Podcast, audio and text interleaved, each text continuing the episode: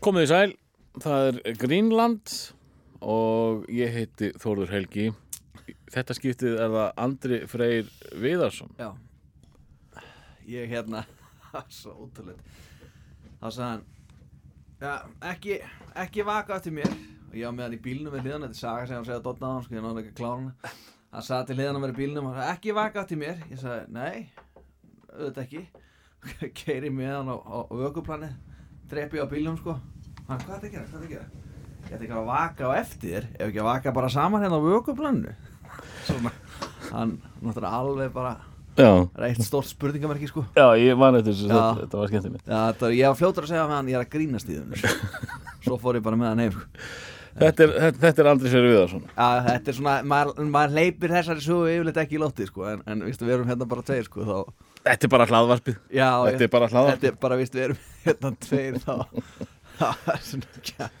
Andri Freyr Viðarsson, Já, uh, þú uh, ég kemur inn í þennan bransa sem uh, svona, svona töffara útafsmaður einhver.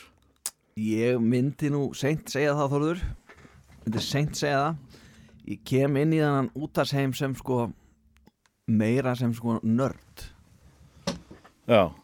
Tónlistanörd Eh, En það skipti öllu máli að, að eh, sko, spila rétta lægið svo vinnirni myndi nú ekki hýja á þig, ekki? Nákvæmlega, Þa, Já. það er alveg rétt sko. þetta er náttúrulega svo- mjög rókafullt að segjast sko, að hafa verið svona tónlistanörd þegar, þegar maður er tónlistanörd þá náttúrulega ef maður yfirleitt fer meira orkunni sko, hjá manni að hugsa ok, hvað er þetta fer þetta yfir strikið það, mm Mhm. er þetta er þetta, þetta er ekki nógu cool það þekkja þetta alltaf margir og þetta er alltaf vinsælt og eitthvað svona, veist, þannig að þannig að, jú, það er svona rétt hjá þér ég kem inn hérna út að heim haldandi það að ég sé alveg eitursvalur Og það var, það var uh, svona indie þátturinn Karate mm -hmm. og varst ekki að taka við af, af Benna? Nei, ég bjóð til Benna Já, hann kom og tók við að þér. Já, hann tók við að mér Ég var í rauninni sko fenginn í að fylla upp í skarð það sem að útastáttunum Sýrður Rjómi skildi eftir. Ah, þegar hann var á X-unu á sín tíma og svo fór hann hingað yfir á Rás 2 og þá var gatt sem myndast þannig á X-unu og þá voru góður á dýr eða góður á voru eða ræjóti sko. Þannig að var, ég var fenginn til að vera hann í staðinn.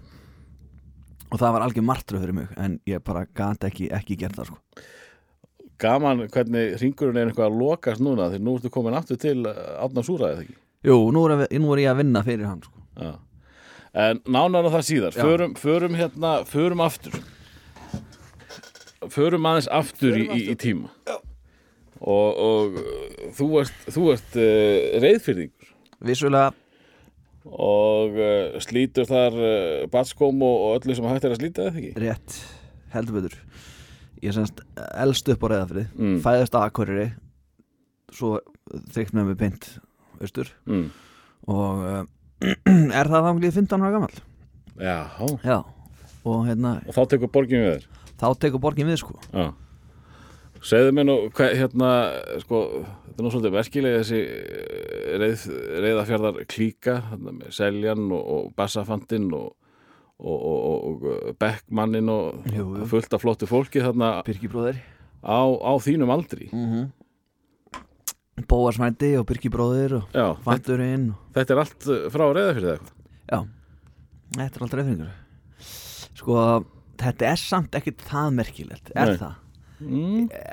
er það ekki meira bara sko að þessi hópur er svo heppin að vera með tvo talsmenn það er ég og Helgi Seljan Já, og við erum endalist búin að vera sko að, að bend á hérna. já, lifta þessu upp á eitthvað aðra plan sem er sannlega ekki til sko ef að ef að hérna ef að Simmi vil eða verið svona duglegur við að tala um það hvað eigist að vera frábærir Mm. og mikil snillingar þaðan þá væri það sannlega þú veist, ætti það alveg mikið rétt á þessu sko Ég er nú búin að vera duglegur að tala um uh, Paradís og jörð uh, Njarðvík, en uh, það verðist enginn vera að kaupa það.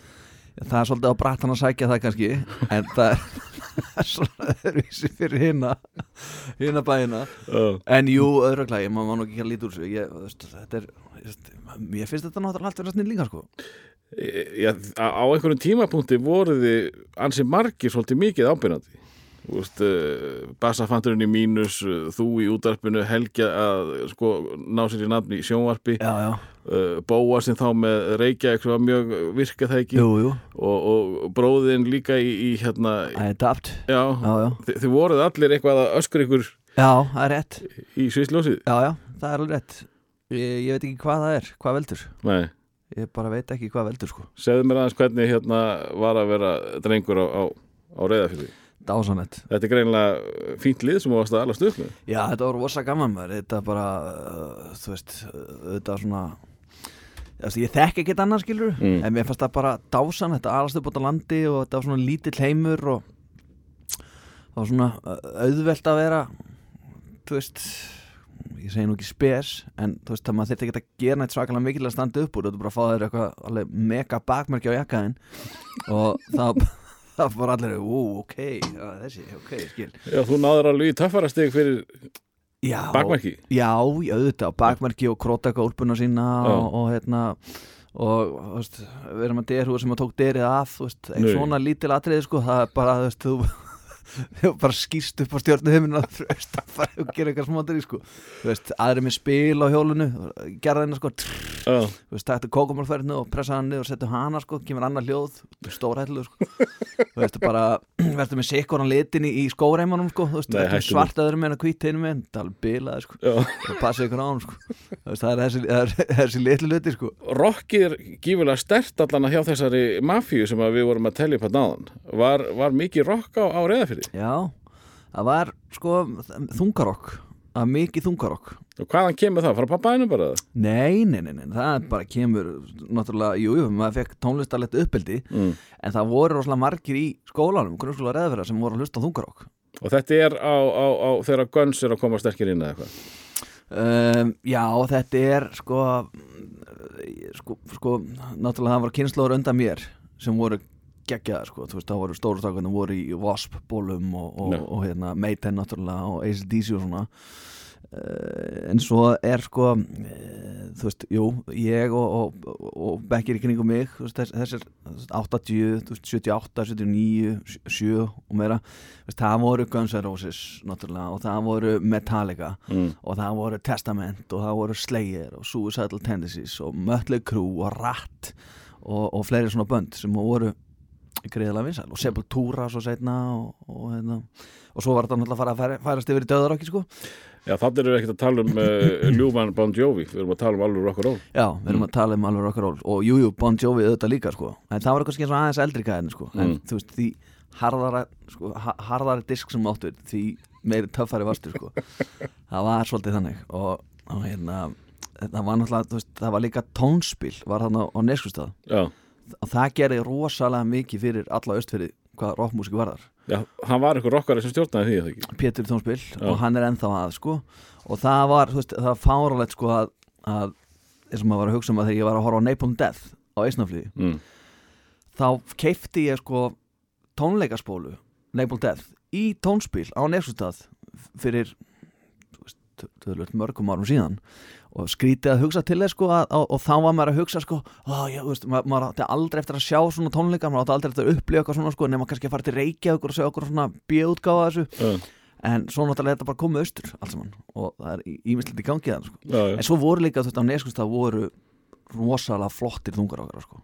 já það Já, það er ekki tekið aðeins sko. það, það voru langflottistu þungar okkar en voru á Neskustad Nú var, ég, hvað með hennan rík? Ég, ég hef nú haldið að það væri nú einhvern liða það er svona öðrum meira sko foreldramanns voru meira Ah. í þessum rík ég held að við höfum meira verið skýt hrættir við noffringar sko og þeir voru, þeir voru minna, þú veist, eins og ég segi, maður setti eitthvað bót á jakkan sem reyf dyrið á sjálfhúinu sinni skilur og setti sitt vissus þú veist, nælu á hana eða eitthvað mm. og fannst maður að svaka kall en á neskustad voru menn sko með hárnir á raskat sko og voru í leðurjökkum og gallavestum yfir veist, það er ekkert verið að skafa því það sko. Og það var bara, veist, maður, maður, þegar maður fór aus- á, á neskustad og, og, og, og sá þessa gæja veist, maður kannski keira hana með afa maður oft fara með afa eða pappi fór líka stundum með okkur, leið okkur að velja diska sko Já, eða plötur. Og sem að, sem að sá þessa gæja sko það var bara eins og að fara bara hérna til Los Angeles og, og, og, og, og sitta bara á okkur bagel coffee með Jack Nicholson sko. Það var svakalegt sko og svo voru líka þú veist harðir gæjar annars sko, þú veist, þeir voru gróar í, í fyllir í einu sko en úlingarnir annar staðar sko. Já, og þeir voru að koma allir með sér utan uh, diskotekin og, og reyða fyrir og, og, og, næla sér í sætustu píurnar sko. Þú veist, þetta leit maður upp til þeirra þú veist, þetta voru menn sem voru hérna í, í, í berur ofan í le, leðihjókum sko. Já, þú veist, ekkert mál sko. Já. þú veist, alvöru gaurar geðu ekki sko. En uh, svona áður að verður úlingur uh, hvernig hérna sko, ég veit að pappiðin er mikill tónlistakall, var, var, var mikið hlustað á tónlist? Já, og, og, og það vant, var, var það vantarlega Seppelin og, og vinnir þeirra? Jú, Purple, Töll og svona dótari sko. Já, og hérna, jú, hann bara, þú veist, í papparákinu sko. Já, og hann líka náttúrulega fór víðar.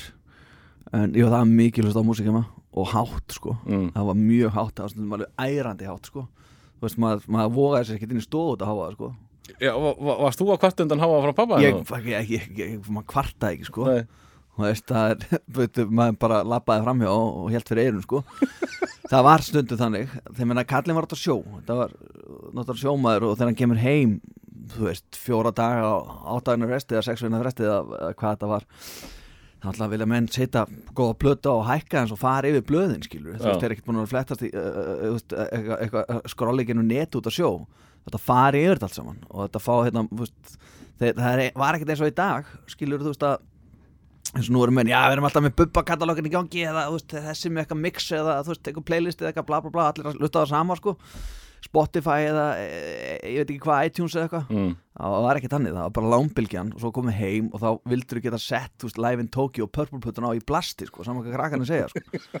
og þú veist, og reykt hérna pípu og vindl og síkart eða hvað sem þetta var og, og Já. farið yfir sko, tíman, alltíðublaðið, mokkan, djöf og allt þetta Já, satt hann bara yfir þessu Já, mamma samna alltaf saman Já, og þetta var alltaf réttir tímaröð sko. Þetta var bunki, þetta var heila og bunki. Það var bara þess þegar pappa voru að sjó og blæði kom daginn eftir þá var það sett neðst og svo kom næsti dagur. Fattar þau? og að fór hann í gegnum þetta með, með uh, Deep Purple á, á blasti? Já, já, eða töl. Eða töllar hann? Svona geggja sko. Það hlýtur þá að hafa mótað ykkur bræðupínlítið í tónlist að vera með gargandi rockmusík eh, þegar pappi kemur í land. Já, þetta og svo að pappa var ekki í landi þá gaf maður stólist hans í þetta sko. Já, þú gerði það ekkert mikið þegar kallin var heima sko. En þú veist, þegar hann var ekki heima þá gaf maður stólist hans í þetta og, og, og það var Dio líka og eitthvað svona dótari sko. Þannig að, og skoða, þú veist, maður var aðra að skoða albumcoverinn og, og skella á sko. Úr ég hýp var vinsalt, það var flott cover. Já. Og meira svona, að ykkur svona 70s Hva- eðal rocki sko. Hva, Hvað ertu gamall þegar þú þú ert að stelast í í plötunar sérstaklega að, að skoða þá eftir, eftir coverum ég bara örgulega frá með mann eftir þessu sko Já. það var alltaf verið í kringum hann eða alltaf inn í stofu mm. og það var þú veist, það var náttúrulega svolítið öðru sér tímar sko, þú veist, krakk í dag hefði aldrei eirði að vera eitthvað að skoða albumcover sko. Nei, nei, þú veist, það vera eitthvað að gramsa og skoða og, og steilast í þetta en það var bara allt annað í gangildi sko. þú veist, það er þú veist, nú er bara gargaman í bílum settu þetta lag á. Það, það, já, það er ekki útverfinu, setta það símanum skilur já, ég kann ekki að tengja þetta maður. Nenni ekki að hlusta á þetta aftur. Þú veist, það er Einmitt, maður stjórnar ekkert vola miklu lengur sko. Nei, nei, og þeir vita alveg að það er allt við hendina skilur, Já, þú veist. Má ég sjá hérna, þú veist, maður er að segja hérna maður er hérna, eins og ég er að sína hérna stráknum heima, sko, ég er að sína hann er svolítið dottinn inn í þetta, sko, ég fíla það, sko hann, hann, hann hefur gaman að ACDC, hefur gaman að horfa á Angus Young, uh, elska Kiss og þeir veist, eins og þeir voru skilur með make-upið og svona. Einmitt. Og það er alltaf bara það sama. Má ég sjá pappans? Má ég svo pappa Já, það er eitthvað, það er eitthvað svona þeng Þú veist, maður er sínan hérna Ossi Þú veist, eitthvað svona Diary of a Madman cover eða eitthvað svona Mm. Ég sjá pappans? Bara, Akkur viltu, sjá- pappans? Viltu, í alveg sjá pappa Gene Simmons? Heldur það spennandi það?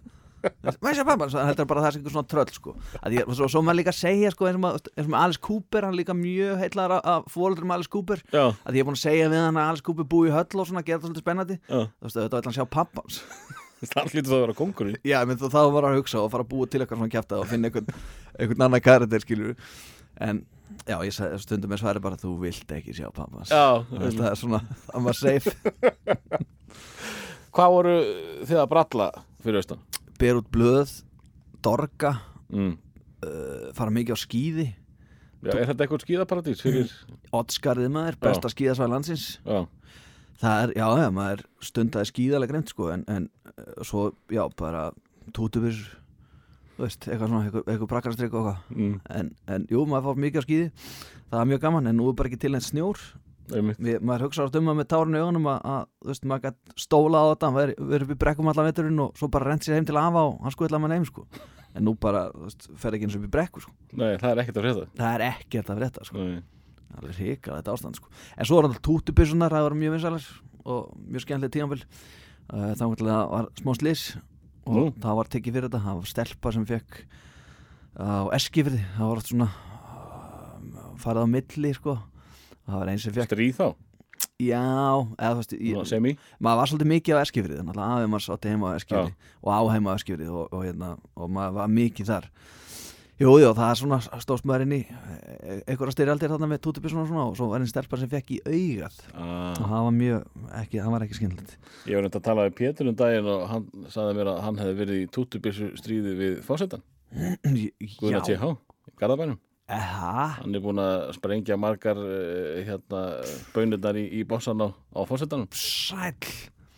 Það er ekkert annað Það er nefnilega ekkert annað sko. Það, ok, og, og hvað var það, voru þá með mæspönnir að grænu það, eða berin? uh, Hann talaði um æs Já, það er náttúrulega alveg gjössanlega heilalöst, sko. Nú, að það, það, það, það stinga gata á tútuna bara jafn óðum sko. og það ah, er um að græna harða bön sko. það, það er alveg það er alveg, eða, eða, eða fuglabyrn þau eru skemmtilega splúndrast sko. Fugla bein, fuglabyr, já, þessi rauðu sem að hanga trénu á haustun það, það er alveg perfect sko.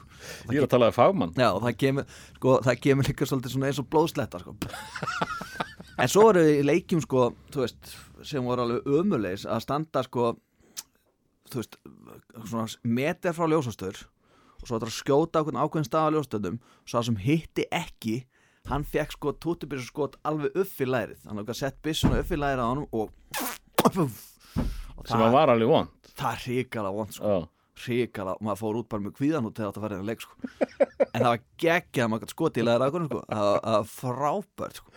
en uh, hvernig námsmaður var Andri Freyr? ömurlegur Alla tíð? já, alveg glataður Hvað, var það áhuga leysi eða taldur þið bara vittlausan eða það var já, ætla að hafa ekki bara verið áalessi mm.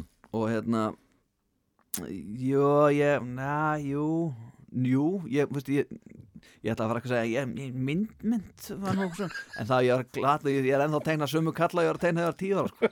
og það er alveg glata sko. Eins og litli gæðina heimla, hann var að tegna miklu myndir en ég sko. Og ég er alltaf að segja hann, þetta er ekki smáfla þú tegna betur en ég, ég er ekki að grínast eins sko. þú tegna betur en ég sko. Og hann gerir það sko, miklu hottara myndir sko. en ég var, sko, mamma var kennari það fyrir austan okkur tímúti og besta einkunin sem ég fekk þar það var í skrift og það var bara einfallega vegna þess að ég fekk þá úslita kosti annarkvort fengi ég raunverulega einhvern sem var sé eða hún myndi gefa mér A ef ég myndi þrýfa húsið og ég og ég gerði það uh, en þú veist ég ætti alveg að sitja eftir tíma með mömmu og svona já það já ég er alveg umurlegun ásmaður sko. uh, varstu, varstu vesinn í skóla? Va, varstu að kíkja á skólastjóra og eitthvað svoleiðis? já já, já, alveg vilt og galið með það var bara Þá held ég að þessi mafía hafi kikkað á gillæðinni eða ekki? Jú, jú, algjörlega sko. Jú, já, mikið á skólastjórnum og, og hérna og það var bara, þú veist það var eitthvað svona að maður var hættur að hræðast sko. Já, það var bara svona lúksus að komast út tíma sko. En hann var yndislegur og ég er ennþá og, og, þú veist, og allir þessi kennar hann fyrir austan geggjaði sko.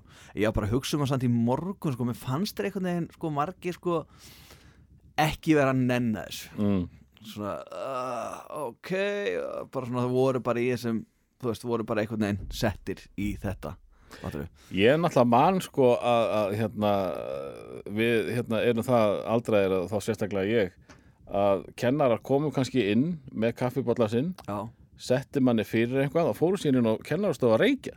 Já, nákvæmlega. Reyktu bara í hálftíma og komu síðan aftur, jæja, hvernig gekk? Já, kaffi og síkó andfíla Já. er einhvern veginn skólagang Það er bara skólagang og með, það var bara eðlilegt mál. Þegar maður er með kennar sko yfir auklun svona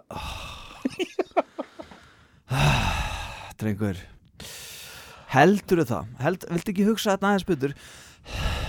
Að vísu var maður svo vanið í sko. Ef maður fengi þetta framann í sig núna þá myndir nú vera vesinn sko. En, en maður fekk veist, sko góð síkó og kaffi svæla á Já. mótnana var nú bara til að vekja maður Mér fannst þetta bara lykt viskunar sko, þegar að andfull kennari var yfir öxlina á manni sko, að anda á mann þá bara fannst mann maður fyllast fróðleik sko. en svo voru þetta allt eitthvað gjössanlega óhæfir og vannmentaði kennara sem að, þú veist, voru bara að reyna að gera sitt besta sko. Nákvæmlega.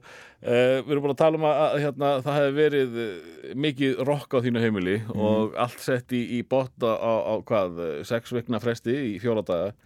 eh, sko, þeir sem ég hef talað við og, og ég hef spurt um svona barnæsku tónlistina, það er alltaf verið einhver svona spá, smábandarlög. mm. Uh, þá spyrir þig, hva, hvað er að frétta þar með, með þína barnæsku músík?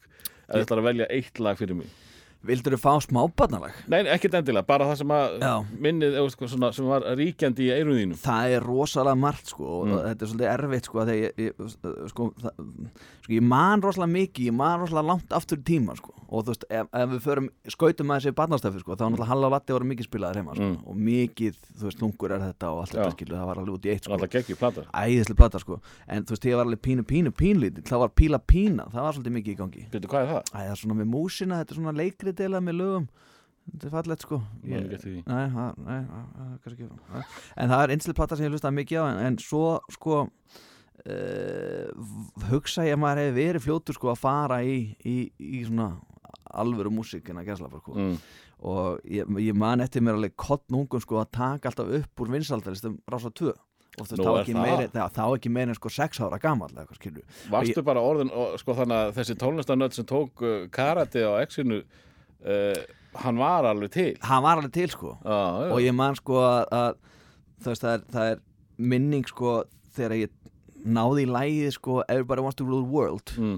fannst það geggjað og svo mimband við það líka sem ég sá setna sko það, veist, það var svona svolítið skrítið að sjá allt í hennu gæja á sko einhverjum hjólum sko út á strönd sko þú veist, keirand um okkur svona, var einhverjum þrjólum einhverjum Já. svona ælum tækjum uh, og það fannst mér ógeðslega flott lag og sjátt líka, týrsarni náða smá timmin sko en það er nú ekki það sem er kannski vel hérna núna Nei, en, en sko, þa það var að ná rosalega til mín þegar ég var uh, 14-15 ára, þannig erst þú bara 6 ára. eða Já, ég, veist, ég er ekki að segja, ég er, er eitthvað alveg, þú veist, með hérna krosslaðar hendur og, og, og, og hérna pælandi textan á Mad World, sko, þú veist, bara, þú veist, shout, shout, let it all out, skilur, þú veist, Já. þetta var skemmtilegt, sko, Mhm.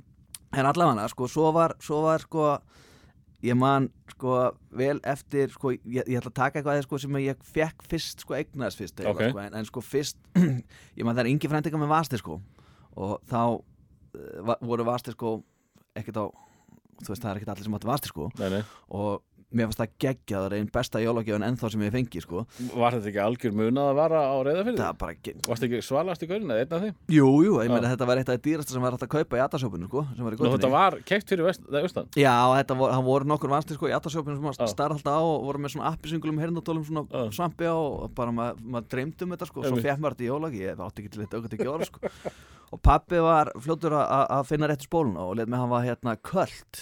sko að- að að Já. Já, og ég vissi ekki að það væri kvöld fyrir eitthvað mikið setna sko, þá heyrði ég bara "Heyrðu, þetta sem ég alltaf hlusta á í varstiskónum og þá var það sett í bótt sko, jólinn fóru í það sko, bara leiða upp og opna að baka beinta eirinn og, en það er svona náði tíminn sko og þá kannski hefur kveiknað okkur svona einhver búið að kveikna okkur rocktög sko, en sko það sem að sko litar æsku mína rosalega mikið. Og þú veist alveg hvað það er tóti minn, ég veit við sitjum þetta sama, ég veit þú hefur ekki gaman að því. En, en það, það, sko, það er ekkert sem náði mér jafn svakalega og Guns N' Roses. Og ertu þá bara barn? já, ég, ég er þetta er fyrsta sem ég eignast. Já. það er sko, ég vil að Franka var duglega að senda mig U2 uh, og var að senda mig úrklipp bara hana en ég hef verið svona átt ára þegar ég kveiki á Guns Þetta kallar maður að vera sko devoted fan. Já, og ég gleymi því aldrei það var, það var, það var, það var uh, eðislegt augnablik þegar að amma hérna, við erum, ég er í heimsandi ömmu hérna í Reykjavík og hún femmi mig og bóga svænda í, í, í búð og við mögum velja okkur kassetu, Mm. þetta er það að voru selda kassetur máttum velja okkur eitthvað kassetu og hann velur hérna Moonwalker með Michael Jackson Já. Og hann var Michael Jackson maður, hann var í, í, í að læra dansinn og hann var öllum pakkanum sko. og ég sá hérna vissi ekkert hvað það var en þetta var bara flottasta kassetan. Þú veist það var Guns N' Roses Appetite, Appetite coveri sko ekki orginal coveri heldur með krossinum. Já, heillastu bara af coverinu uppalega Já, fannst Vissur ekki hvað það var Ég vissi ekki hvað þetta var, þetta var bara hauskúpur með hár og hatta og sólklöru og sígardur það var bara, þetta lítur að vera ekki alveg trillt sko.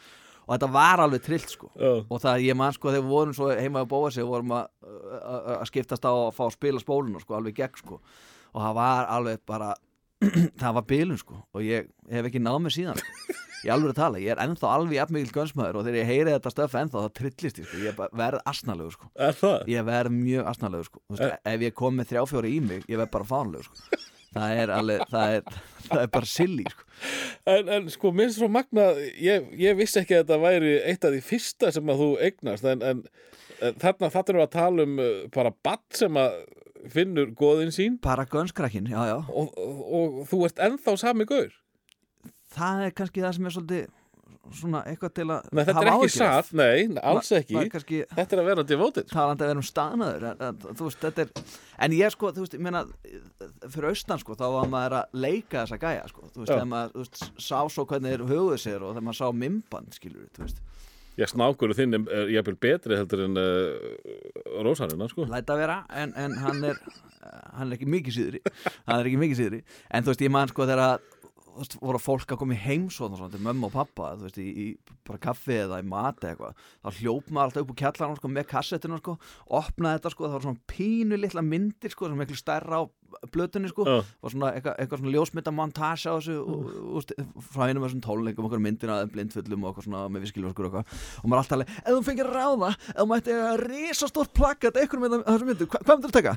og maður svona, þegar maður svona mældi karatinu út eða var svona eitthvað alveg, mm, ég held ég myndi taka hann hérna hann var alveg, ég heldur hann cool maður hann myndi taka þessa hann, hann myndi vilja eiga svona mynd sko, svo stóra og, og svo var maður að og, leika hva, og hvaða mynd, veist, af hverjum voru myndirna sem voru réttu myndirna slass á njánum ber ofan spilanda gítarnir fyrir aftan bak Aha. það var, ef eitthvað valdi þá mynd þá Va- var, var hann, toppmaður. það var alveg sko. En það, þú veist, maður var að leika þessa gæði heima og maður var að spreyja sko vatni í sig til að þykast þar sveittur. Maður var með klúta mömmu á haustnum maður var í, þú veist, einhverjum háhælum skóm eða pinna, einhverjum stífilið með eitthvað sem hún átti, sko.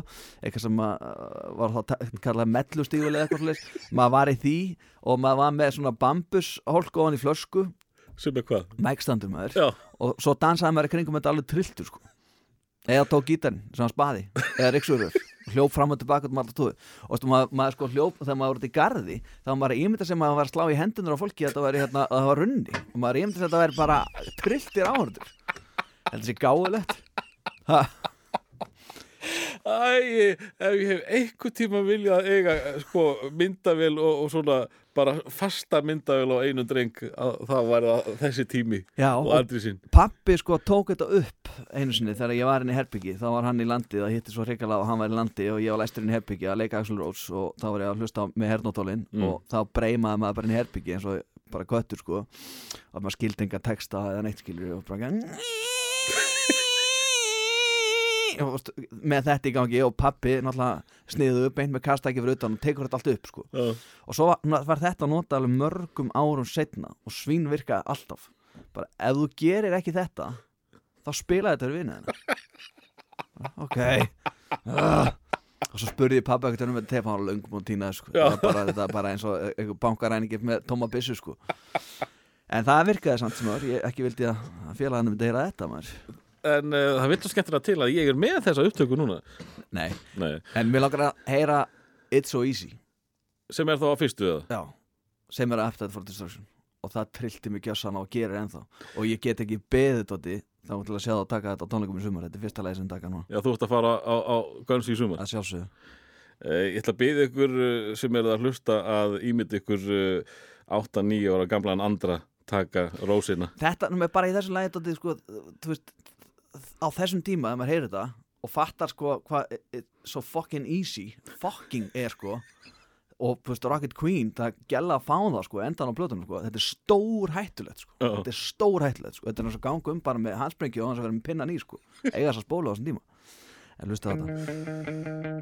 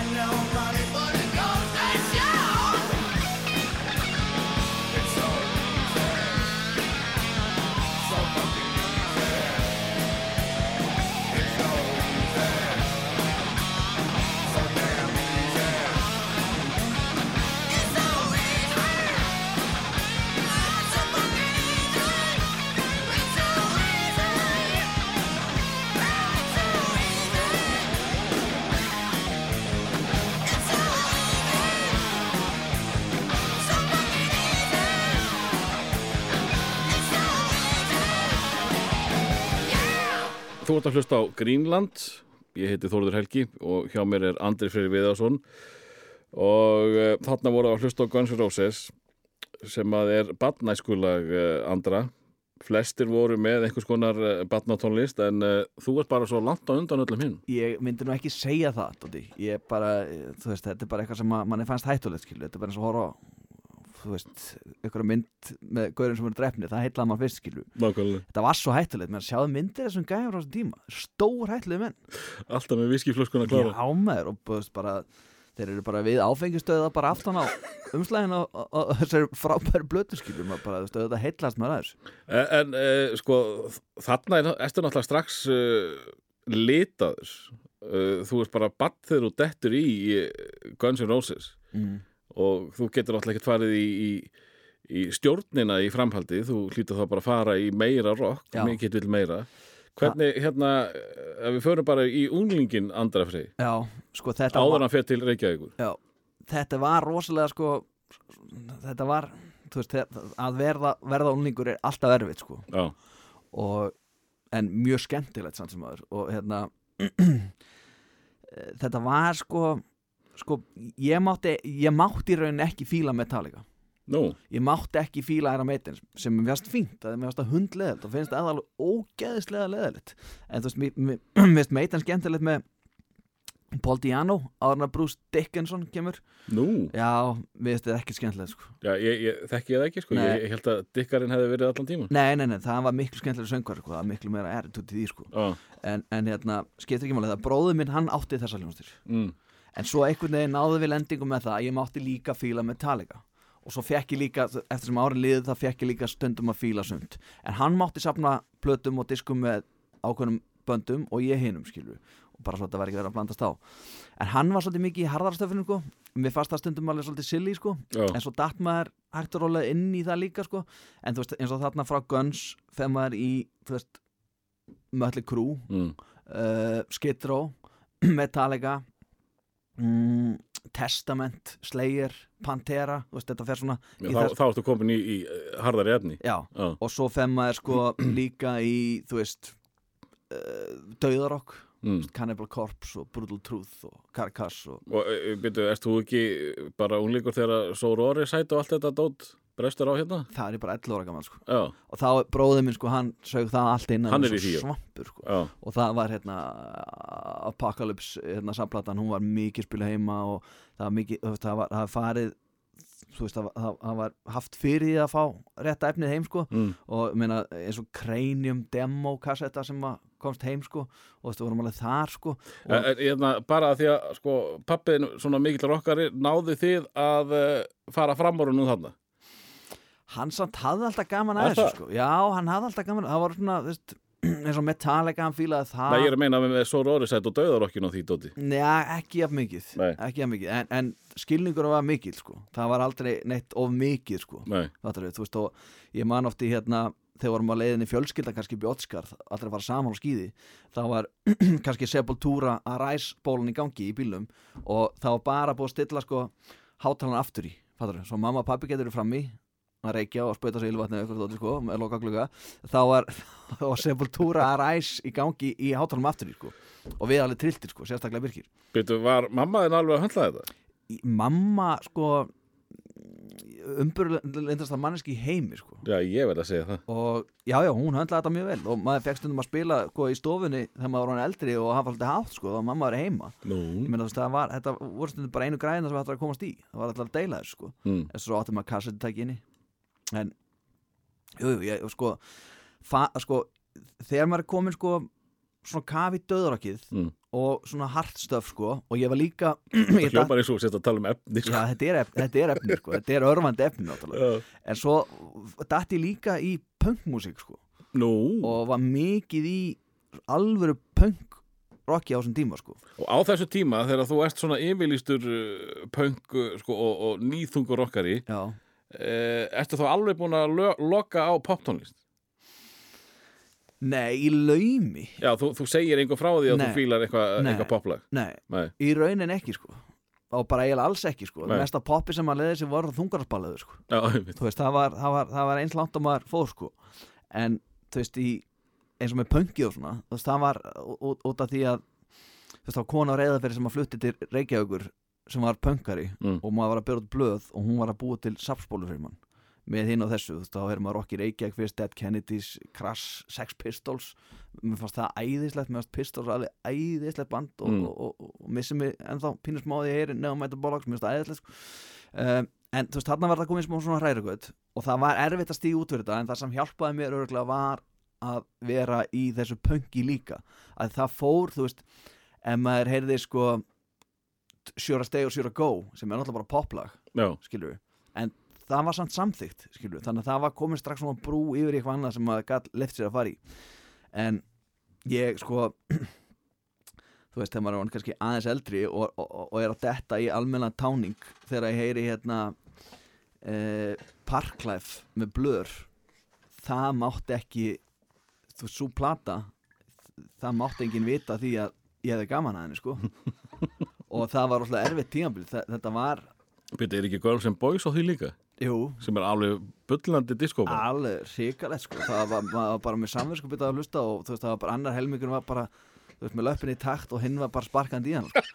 þetta var ríkalega erfitt sko. Og, og ég man sko að það var, Birki var á heima veist Mm. upp á eigistöðum uh, þegar hann fór í, í mentaskóla, hann er tveimur á veldri og fyrst ára hans í ment og þá fyrir hann á sig heima veist, og, svona, og það kynnist hann alls konar fólki og sem með aðeins víðari smekka en kannski við bræður. Og ég man sko að það var einn vinnur sem kom svo heimsótt frá Eskifiði sem var átti þessa plötu parklaf á spólu og hann glemdi henni heima sko. Og ég kemst í þetta teip Mm. og hún hverfur. Og engin veit hvað hún er. Nei. ég lá á henni sko. Og ég gætt aldrei hlusta á hana því ég tók ekki sjensin sko að vera með þetta í vasdisko eða eitthvað. Og það heyrir einhver það sem smitast út sko bara, á? þá veit maður geta sagt alveg Napalm Death en, en þú veist, þannig að maður tók ekki á því og maður vildi ekki, en neitt myndi koma og segja, "Ey, maður, maður sé þetta spila lag fyrir. Og opna bara vasdisko og sé bara blöður glemdu því sko. Þannig að eina leiðin fyrir mitt að hlusta á þessa plötu var þegar ég fór í flutningabíl suður, Reykjavíkur. Ég búin að liggja lengi á hann með döður langa að sitja þetta í og hlusta á þetta í blastu og bara svona take it in sko. Já, og svo fekk ég fara, þú veist, maður fór suður þannig sko, maður fekk fara þetta er, má ekki í dag sko, nei, en þá fekk maður fara með einhverjum bílum sem voru að fara fyrir kaufélagið til Reykjavíkur og, og fekk að sitja í. Og þá geti leiðið aftur í kóginu sko og hlusta á þessa plötu bara út í eitt og fannst náttúrulega geggju sko. En bara svona hvernig, hvernig get ég hvernig get ég breykað inn í þetta án þess að þú veist á þess að vera bara laður einhelti skilur þú veist, bara, þetta, var svolítið þannig sko.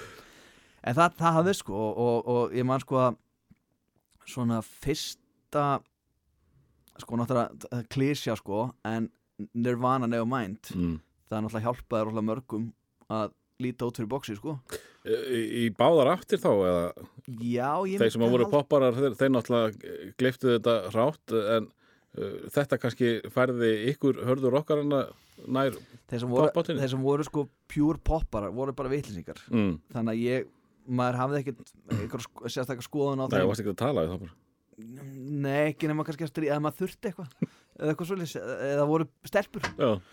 Uh, en hérna það hjálpaði mikið sko og að sjá sko í Bilming smelsa Teen Spirit minnbandið og svo í og Coco svona þú veist það var ógæslega flott sko og geðvett lag og snerti maður rosa mikið skilur veist rock'n'roll og einfalt og maður garga með þess að kunna textan sko. Mm það var allt mjög jákvæmt og svo var þetta spilað mikið á diskotekunum sko og það var þetta slamtasa við þetta þannig að þetta hjálpaði mjög mikið sko en svona fyrsta svona svona, ég myndi segja svona sjálfstæða uppgötunin skilur þú veist sem maður er ekki matað með í sjónvarpinu það er uh, Dirty með Gú, nefnir hérna svona gjúð súplata sko.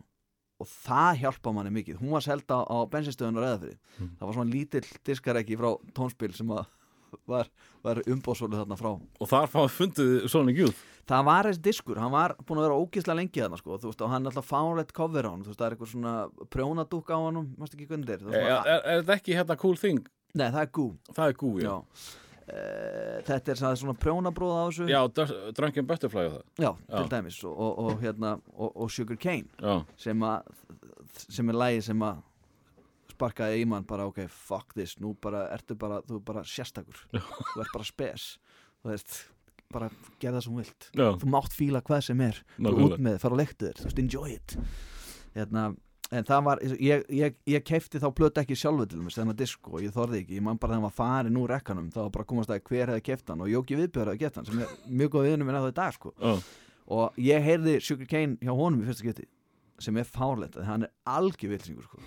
og, en, en, en, það svona opnaði eitthvað fyrir manni og, og hérna og the rest is history sko. já, en og það lag líka maður hlusta á það, mann fannst maður að vera ógslag cool. Þú veist, þetta er þannig lag. Nefnit og man, mér, mér finnst það ennþá mér finnst ég ennþá vera, þú veist, cool. Þú veist, ég sitt kragan upp sko í jakkanum er þetta, þú veist, og heiki ekki það sko. Ekkert mál sko. En, en svona fyrir utan tónlistuna uh, úlingurinn Andri Freyr uh, hvernig gekka að ná sambandi við uh, hitkinni til dæmis? Það gekk bara mjög vel, náttúrulega með digri aðstóð vinnamanns sem Já. að fóru bara upp á stelpu og spurðu hvort hún vildi byrja með mér sko. og maður beig bara eitthvað stóri hotni og fekk svarið sko. þetta var, það var svolítið þannig og svo náttúrulega var að vera að senda ástabrið og svona þetta var náttúrulega öðruvísi tími enn í dag Mm. en það var mjög mikið notað þannig að maður sendi Hannes vinsinn bara á staðinn og hann bara spurði Erna, viltu byrja með andra? eða þú veist, eða Helgi fór líka í þetta Var hann líka í þessu? já, já, og ég líka fyrir hann, hann hérna, ég veit ekki hvað hann finnst fyndið þetta en það er einhver málvillar örglega eitthvað, ég veit ekki. En þetta var örglega mjög spögulegt þegar ég fór inn sko í hús og var að spyrja fyrir hann og ég var alltaf komin út sko. Ég var alltaf búið að loka hörni og Helgi eitthvað stær í fjarska sko. Helgi, hún vil það! Hún vil það! Og hann er illa sáttur. Þetta var, þetta var svona þetta var eh, ekki, ég myndi ekki segja einfaldari tíma sko en samt einhver, jú. en það var alveg ríkalegt að ringja heim til stelpna sko Nú, já, pappin svarar Þú veist, er þetta að komast fram hjá honum? já, er hún heima hérna hver er það? Andri og hvað viltu henni? er hún heima? Þetta er ógeðslega erfitt sko. og maður alveg nút í maður sko. en, en þetta var samt, þú veist, eindislegt en jú, hann, hann gekk alveg ágætlega. Hann fór alveg til dæla að snemma í sleik og, og allt þetta og, og hérna og maður án ekki að segja það en, en ég man ég gekk alltaf með í maganum að- að að- ef ég myndi ekki fá að sofa hjá en ég fendist Mm. þá væri ég bara ekki neitt og myndi enda líf mitt sko. Er nei og ég sagði þetta með þess að við vinnum ég bara ef ég ef ég fæ ekki að ríða hann í fennmist þá drepi ég mig. Það var shit. Það gera eitthvað í því, sko Og þetta, þetta er náttúrulega bara ein, bein afleiðinga því að hlusta á þessum rockmúsík Já, ég held þannig bara. Ha? En, en ég, ég, ég fekk það ekki á því fendi sko, En ég er samt ennþá hérna sko. Það er gott, það er gott. Uh, Hérna, veist, Það voru menn að, að sko, sofa hjá píum inn í stúdíu Þú veist, maður var að hlusta á þetta skilju Það er við hverju býstu með þér við að fá únlingalæð uh, Náttúrulega við erum búin að tala mikið um tónlist Þannig að það er vantilega erfitt að velja eitthvað sem að Já. tengist uh, Hvað, þe- þegar þú segir unlingur, hvað aldrei eru að tala um? Við erum alveg að tala um að 12-16 Ef við segja það, Já. 17 jafnvel Já, ok, ok Sko, Sonic Youth opnaði á þetta rosalega Mm. mikið fyrir mig Op Opna á hvað? Opnaði á, þú veist, indie, skilur Já. Alternative, allt þetta dót, skilur uh, Og sko þegar ég sko eignast vídeospóluna The Year Punk Broke Mm. sem að er svona heimildamynd um, um tónleikvarlag Sonic Youth uh, Nirvana, Babes in Toyland Gumball og Dinosaur Jr. Já, þá þá fer allt í gang sko í, í, þú veist, þá fann, fann ég mitt band sko, sem er Dinosaur Jr. og og þú vissir ekkert hvað það var þegar þú fjast spóluna eða eitthvað nei, ég veist ekki neitt og svo kefti ég hana síðar að ég var fluttur í bæinn mm. og sá þessar spólu ég flytti í bæinn 15 ára gammal uh, eign, uh, ræni þessar spóluskífunni það var mjög lett að stela þegar var hægt að taka hérna, uh, þú kroppaði bara þjóðvinnan af Mm. það var svona hartplast og svo var maður alltaf svona hermanjakka með svona svona þykkum ermum þannig að smekt vídeospólum og diskum og allir fjandanum að þeim sko Uh, svo ég fer með hann heim og, og klappa þetta og þá sé ég þetta band Dinosaur Jr. þegar ég hafa tvö lög hérna á, á, þessu teipi sem er The Wagon og Freakscene Mm. og það fannst mér algjör trillingur og það er bara sjaldan sé annað eins og svo fannst mér J. Maskey svo hattaraslega töff sko en svo eignast ég fyrsta platan sem ég eignast með heim er Bug sem, að er, er, sem ég kefti svo í tónspilið þegar ég fór þangað um jólin og pappi sagði ég mætti vel um fimm diska þar á svona jólagjöfin. Já, æðislega jólagjöfur og, og hérna, í alveg tala Já, já. ég bara algjör lúsus að geta farin í blötubú og vali sér bara fimm diskaða blötur sko. og það band hlust, hef ég sennilega hlusta mest á bara? já, ég myndi segja það. Með Guns N' Roses? Já, ég meina ef Guns N' Roses hefur geðið jafn marga einmitt. þá hef ég þú veist, en ég held það já og svona, maður þekkir öll legin ég get sungið með sólónum veist, og En er ég gaman að vera uh, Maskis og, og, og Rósin? nei, Nei, það held ég ekki. Það er ekki, það, það er ekki Nei, þú- jafn góðu nei. stíl á honum. Nei, nei, þú stendur bara og horfir ofan í skónaðin og Já. þykist alltaf gítar sko átt maskið sinn. Já.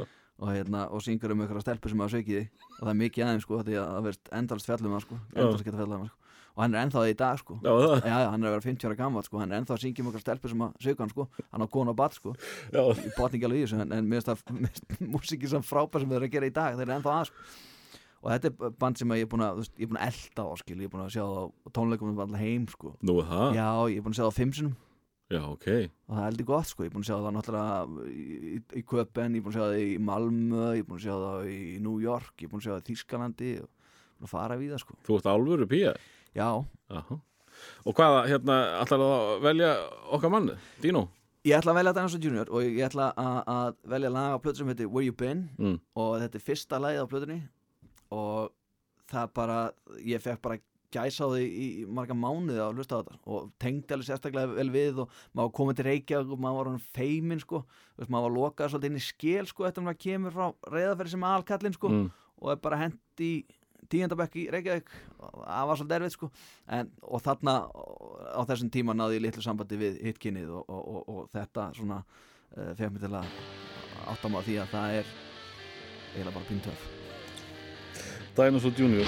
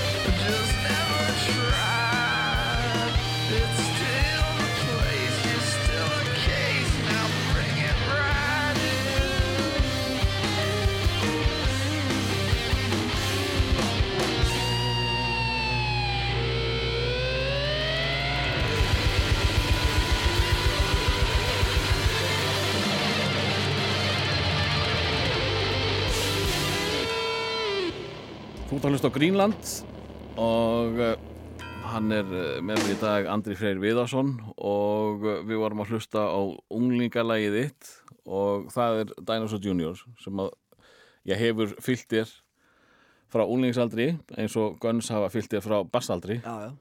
Ég meina, ég fæ mér, ég fæ mér sko fyrsta tattúi sem ég fæ mér. Já, Það var meira þess að þegar menn voru ekkert mikið að fá sér tattú sko. Þú veist, það var ekkert veist, það var ekkert, hérna, fótballtamenn voru ekkert með slíf.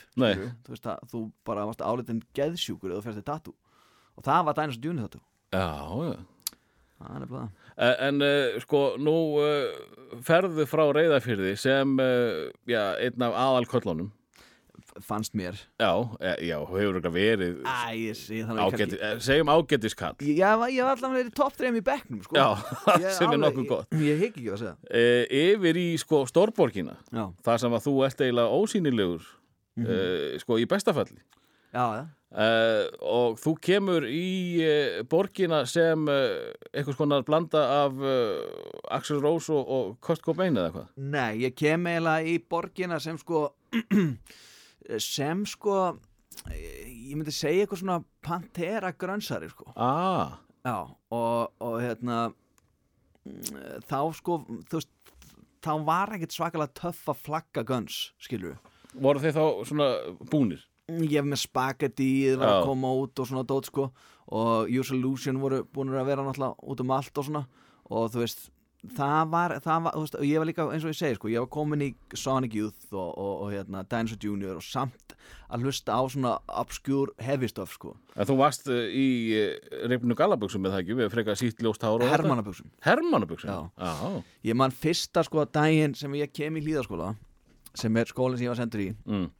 og það var bara eh, það var umulegu dagur. Það var alveg hrikalegt. Og hérna, veist, ég náttúrulega var búin að vera þá hérna sumar áður en skólinn byrjaði þá kom ég hingað í bæinn og var í bæjavinni Já. og það eitt og sér var umulegt og með kveið fyrir hverju einasta degi Gekk ekki tjá þér að, ná sambandi við fólk þá? Ekki neitt Nei. sko, ég var ég var, ég var alveg sjúklegur einfara á þessum tíma sko. Það. alveg bara, þú veist, það, það fólk bara myndi ekki trúa eða myndi reyna að lýsa almennilega, sko en ég, það, var, það var rosalega erfitt, sko. Alltaf einhvern veginn, það var allt svo ég gerði. Mér fannst allt svo glatað eitthvað og, og, hérna, og þetta var allt öðruvísi enn í bjóst við. Þú veist, ég held ég kemur bara til Reykjavík og færi bara beint á fullt að geggjum tónleikum. Og myndi bara eignast fullt af vinum og að því að ég var svo okkur cool Mm Skilurðu, þannig- Stelpöldum myndi slástu Ná- nákvæmlega, Já. en það var allt annað upp á tinninu sko. allt annað sko. og ég kem ekki bæinn og ég maður sko þegar mamma sko segir mér að ég er að fara í bæjavenn og svona og kynast alltaf krökkum og svona Jú, þetta var pínu spennandi en rosalega var ég kvíðin sko. Já. ég bara, ég, ég mér leiði alveg ótrúlega illa við að vera að vita að ég á morgun ætti ég eftir að glappa hérna út einn og veist, ég var alltaf að rata hérna úr Reykjavík sko mm. Þetta er að labba hérna út einn, við byggum á Rauðarstík, byggum þar fyrstu mánuðan, fluttum á Reykjavíkur og bara það sko að labba nú á hlem, það, það fannst mér stórt og erfitt skref sko, ég var en, ekki, en var það ekki sko hérna í minningunni var það ekki svona einhvers konar draumur að kíkja á hlem og sjá pönkara og eitthvað sér? Ekki pöngara kannski, það meira svona draumur að geta hangið í hókus pókus og 2001 allan dag, sko, það var svona meira draumur, en að vera að fara í bæjavinn og vinna með krökkun sem að voru allir sama hverfin og þekktust öll skilu ég maður sko fyrsta vin, vinnudagur minn sko í bæjavinni var í fónu á hlem og ég var ekki komin lengra en það þá fór allt í klúður og ég tók vittlusan strætó sem fór í alltaf aðra átt og ég skildi ekki því. Og ég átti að fara hérna eh, eitthvað það sem að sorpa er hérna upp í eh, hvað heitir þetta, grá eitthvað Já. þar áttu við að vera sko hópurinn. En ég fer akkurat í hinn áttinni, ég man ekki, ég heldur að strætó með fimm eða eitthvað, Já. þannig að ég fer bara út á nes og sit bara einn í strætó og svo bara sé ég bara strætóbísinu er bara drepa á hann hvað hérna, hvert ætlaði þú að fara svona ég er ekki hérna allan ég, hann er, já, er þú að fara í vittlösa átt maður? Bara svona inn í mér sko, ég bara grét inn í mér. Maður samt vera hérna inni? Bara vildi ekki eins og fara út sko hann bara, ekkert mál, ég er að fara í mat sko. Og svo fer hann bara og gerir sitt og kemur tilbaka og skullar bara aftur og hlem og ég kem beint inn. Ég vil aldrei aftur út. Það er alltaf hérna. Bara svona, var samt ekki grænjandi sko Nei. en var bara, þetta er umulegt Já. Og svo mamma neina eftir mér og sendi mér náttúrulega daginn eftir og, og þá fyrir ég vinn og Umbyrðarlinda mamma já, já, þá Já. kemst ég að þetta er umulegt Nú, já, þetta var umulegt og ég var aldrei lengur en til hátdeis alltaf þegar að krakkandi fyrir mat þá hljóp ég heim. Þetta var þannig sko. Já, varstu ráðin í að- að- já, já, ég var ráðan allan daginn, ég kvarf alltaf svona um hátdeis sko, mér Ok. fannst það svo óþægilegt sko. Svo óþægilegt að vera inn í einhverjum vinnuskúr eitthvað þú veist, með eitthvað teiknimyndablaðið eða eitthvað skilur, þú veist, e- eitthvað að þykjast lesa bara horfanda á það og hugsa bara hvað er það hvernig er það búið, hvernig kemst ég heim hvernig kemst ég heim Þa- Þannig að þú hefur bara verið kvíðasjúklingur á þessum tíma alveg hardcore sko og þetta var bara, þetta var algjör martur sko, hver einasti dagur sko En þegar, þegar þú kemur heim eh, Ertu þá bara heima og, og inn í herbyggju og, og með rokk í botni til að bjarga þér? Nei, dagur var þannig að, að þegar ég sting alltaf á unni Já. og þá fer ég eh, semst, strættan aftur um hlem, bjóða rauðarstíg Mm. og þá var teiknimyndabúð þar sem að hétt Fafnir, sem að er Nexus í dag og þar fann ég með eitthvað svona "Ah, ok, Já, hérna er allir alveg glataðir ah, hér er gott að vera. Þú veist, hér er allir nördar, ok? Og fast það æðislegt að vera þar, svona ákveðin svona öryggi sem ég fann ég að vera þar. Og það var maður að, datt maður inn í svona Skinjaði þú því sem einhvers konar nörd komandi sem eh, gallharður rockari á, austan? Já, þarna var ég bara slegið niður bara Í nördin? af, af topp, toppnum bara niður í að vera bara geek sko. Já, og mér finnst mjög þægilegt að vera þarna og þú veist, fundi mig í, í að lesa comic books og svona Uh, var fínt fyrir mig að búa þarna niður í bæ þú veist, stutt að fara í allt og Mm. þú veist, maður kom heim uh, fór náðu hlem, byrjaði að fara svarta svanin fara sér spræt og franskar Mm. og eða eitthvað smá pening í, hérna, í spilakassan og svo fór maður eh, í fapnir skoða blöð þar og, og horfða á fólk og ímynda sér hva, hvernig það væri ef þessi væri kannski vinnum hans Mm. eða þessi hérna, hvernig væri ef þessi það var úrslega gaman ef þessi væri vinnum hans veist, þetta var svona sko já, maður bara horfði á fólk bara ah, ímynda sér að þessi var að koma með manni heim að gera eitthvað skemmtilegt skilur Ég sé svolítið fyrir mér, eh, fyrir mér hérna, þig sem einn af gaurunum í Astropíu hérna. Já ég man nú ekki alveg hvernig hún var Nei, það var bara, hú veist, nördar í, í Nexus eða eitthvað slúðis að ræða máli sko. mér fannst ég samt cool sko Já, það, þú veist, þar var líka sko, hérna, goth-lið og eitthvað slúðis, já, skilur já, já, já, var, var það líka það var mikið að mannsónliðið sko. Já, Manson-liðið. já, já, Matrix Manson já, þú ert á þeim tíma þar já, Matrix Manson fólki sko, það var mikið þarna sko já. en svo, svo, svo var maður það mikið eitt að maður fór sko í bíó stundum tvisar á dag. Skilur, þú veist, ef maður fór okkar mynd þú veist, í, í hérna í hérna á snorrabötunni í bíónu þar Mm. og svo var hún búinn þá lappaði maður kannski inn í stjörnubíu að repu og fór eitthvað annað sko. veist, og það var ekkit eins og fólk er alveg þess vegna hef ég aldrei skilið að fólk er það er einn í bíó þetta er einn í bíó Þú veist, hvað er að því að fara einn í bíó Uh, varstu, sko, var þetta kvikmyndaböff að fæðast þarna eða hefur alltaf verið það?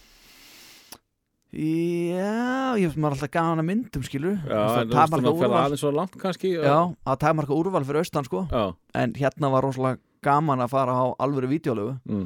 og hérna og ég menna veist þegar maður fór á, á hérna, það sem að uh, hvað hétt þetta Jens Bönd á hann hétt Jens Bönd skiptir ekki máli. Nei, nei, það var vítalega voru og það voru þeim undir borði sko. Alveg kvöldara sko. Já, já, Eh, það voru eins og hérna eins og hérna Cannibal Holocaust að sjá hana, mikið búin að heyra talað um hana sko. Mm. og svo heyrðum við að tala um Faces of Death sem var mynd sem er í alvörinu verið að drepa fólk sko. Var manni sagt sko og það var svona saga sem gekk en það var náttúrulega ekki í alvörinu en já, það, það, það fannst manni mjög skemmtilegt sko. Og þarna líka var mamma farin að hafa pínu áhyggjur.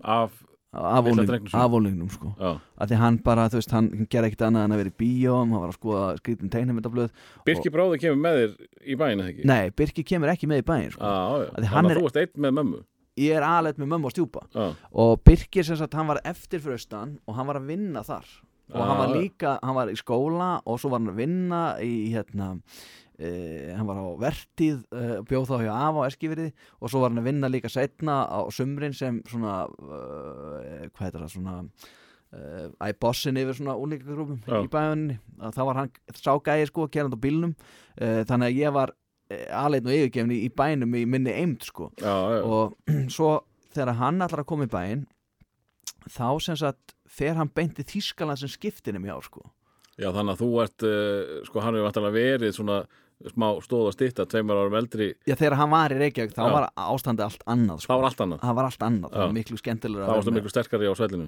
Já, já, það var ekkit, veist, þá, þá voru allan tveir á svellinu sko. Veist, það var ekkit sterki kannski, en við vorum allan að tveir sko.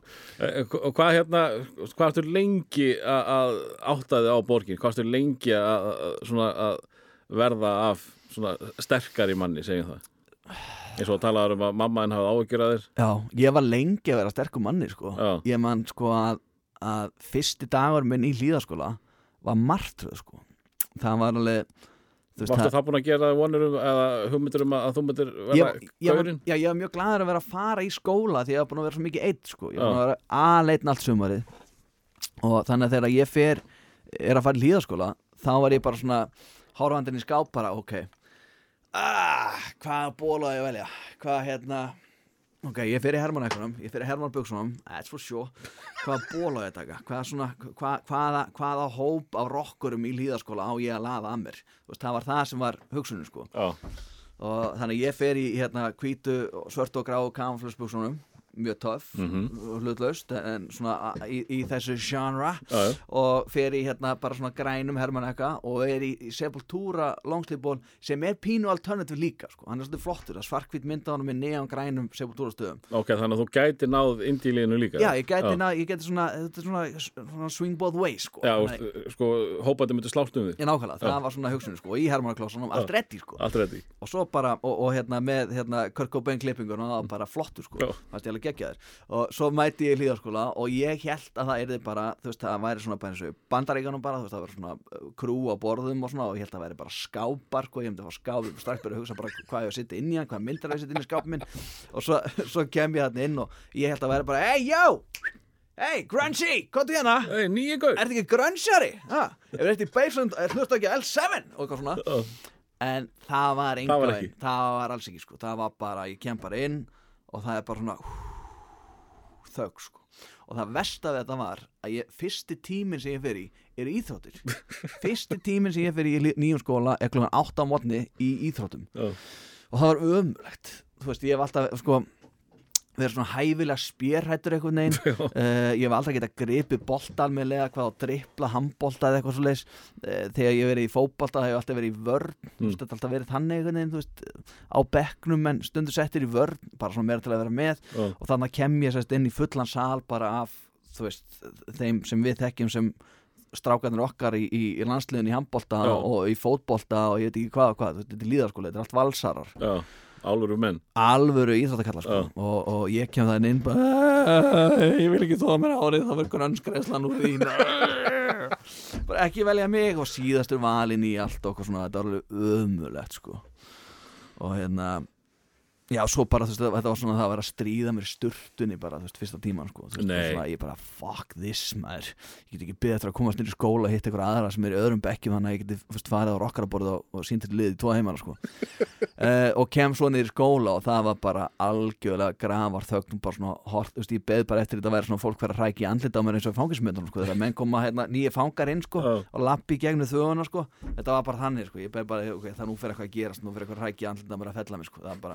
það getur ekki annað, annað verið sko. Þannig að það var rosalega erfitt sko. En Var þá ekkert að rockara liði eða, eða bara varst þú bara útskúfaður að því þú varst nýrið það? um, það var eiginlega ekkert á rokkarliðinni uh, og sko maður með þetta útlit sko fattar, og þetta svona svona body language sko. Mm. þú veist maður var eiginlega komið pínu krippu þarna á þessum tíma bara upp á lúki sko. Maður gekk eins og hera á einn sjúklingur sko. Það var svona ákveðin göngustíl sem hann búin að tilenga sér að Já, þeir svona þróa. Já, maður fannst það töff sko. En, en það var ekki að fljúa það inni sko. Og það var strax fara að kalla mig hippa. Hippa? Já, ei hippi, það var, var mikið nota sko. Þú varst ekki ánum með það? Ég var samt ekkert óanæð með það. Þú veist, ég fílaði alveg sabbath og, og svona dót þegar þeir voru pínu hippar sko.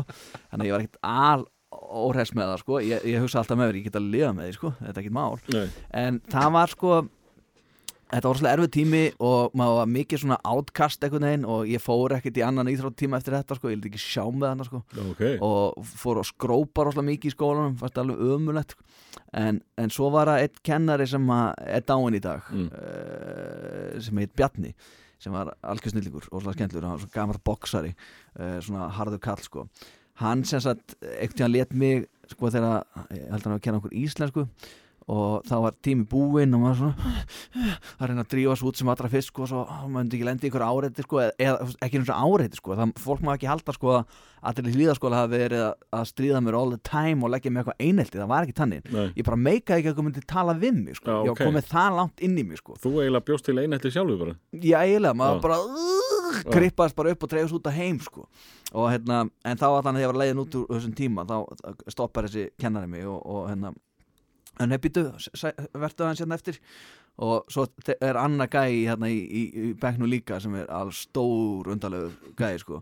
Og hann segir honum líka að setja eftir og ég bara ok, ég, strax, ég bara strax hugsa ok, það er eitthvað að ljúga ykkur upp um mig sko. Ég hef ekki gert shit hérna sko. Ég bara, ég hef alltaf mæti hérna sko.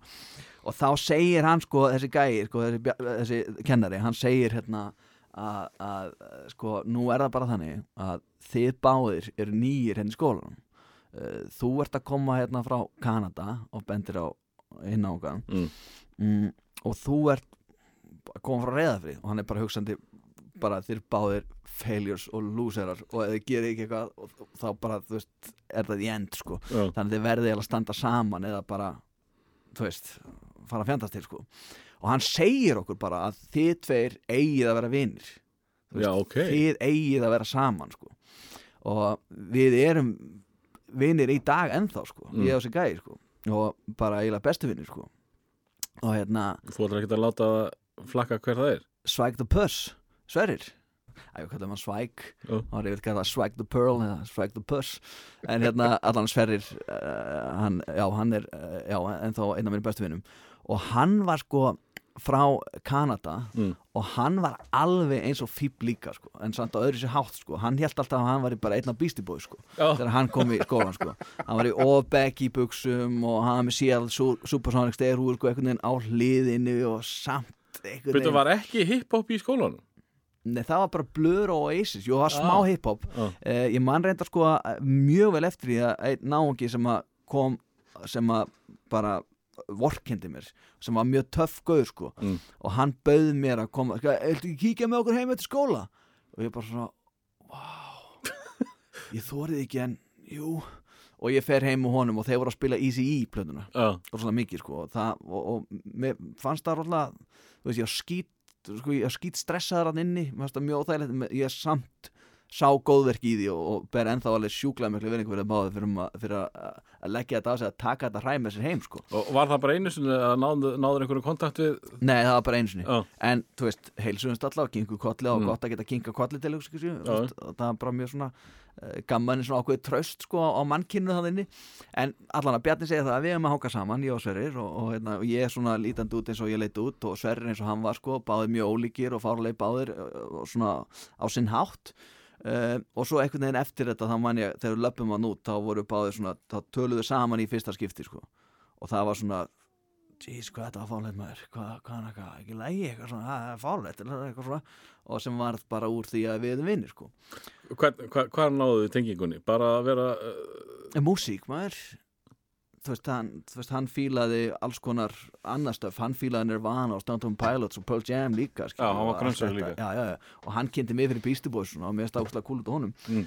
og, og annars sko, þú veist þannig og, og bjóðandi í hverfinu og þetta bara, bara það var, það var bara lífið breytist bara eignast vin sko Þannig að Bjarni og, og Sverrir þeir bara björguðu þið Já, eða Bjarni kannski bjarga okkur tveim sko. Já. En svo vorum við náttúrulega algjörir auðlar sko. Ég og hann mm. uh, en, en það kom sér einstaklega vel að það var eitt gæi úr breiðaltunni sem var algjör klikkur sko, sem var líka nýri skólanum. Og hann var okkar maður sko, hann var stór og hann skeiti í sápubóks og hann barði lið og hann með drellokka og, og stór hætlu sko. Og þannig að við þrýr vorum svona þú veist, tím já við vorum þarna í, í, í, í hlýðaskóla sko. Oh. og það var æðislegt tím og meina, við erum ennþá í þú veist, einhverju bandi sko. En ég og Sverrir erum miklu bandi. Og hann og, og Stein er líka félagar í dag og ég og Stein líka og þetta, er, þetta var já, þetta var mjög skyttir sko. E, og, og ferð, ferð þú þá að, styrkjast og, og sætta þig við veruna í, í, í stórborginni? já, í raunin sko, en ekki það að vera í skólanum endilega, ég man að við fórum stundum að fara í, í skjólu nætt og svo brjóta rúður og svona í þessum skóla sko, Já. bara hemd sko. Já. bara ógeð og, hérna, og eins og ég segja, eins og hann félag okkar var að kúka í sápubóksin og pissi í þau og það var svona allt gert til að öðrum liði illa þarna. Og, og hérna það var svona ákveður röss að koma í kennslustofuna sem var búin að maska allar rúðunar í sko kvöldi áður. Að sjá það búið að sitta svona spýtur fyrir og svona dót svona veist, það dætti engum í að þessi vesalengur aftast myndi gera þetta sko. Þannig að það var svona aha. Þannig að þú veist, það það var leið svolítið svona já, þið eru ekki ég ég, ég, mér finnst þess að ég sé að hlusta á ameríska úlingavinn sko. mm.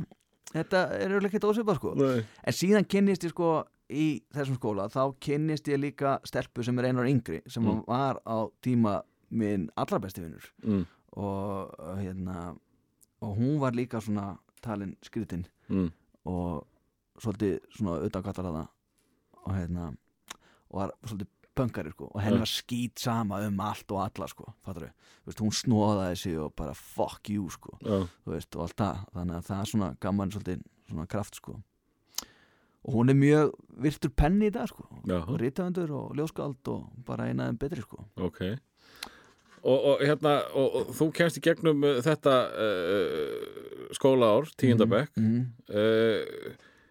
Af sögu þínum að dæma þá ertu ekki ennþá farin að skemmta fólki að neinu viti Nei maður, Þa, það kemur bara löngu, löngu síðar það kemur miklu síðar sko Hvað, hva, sko, sko, við þekkjum söguna pínlítið frá því að þú ferða að tala um karate á exinu Já. Hvað gerist þarna í millitíðin?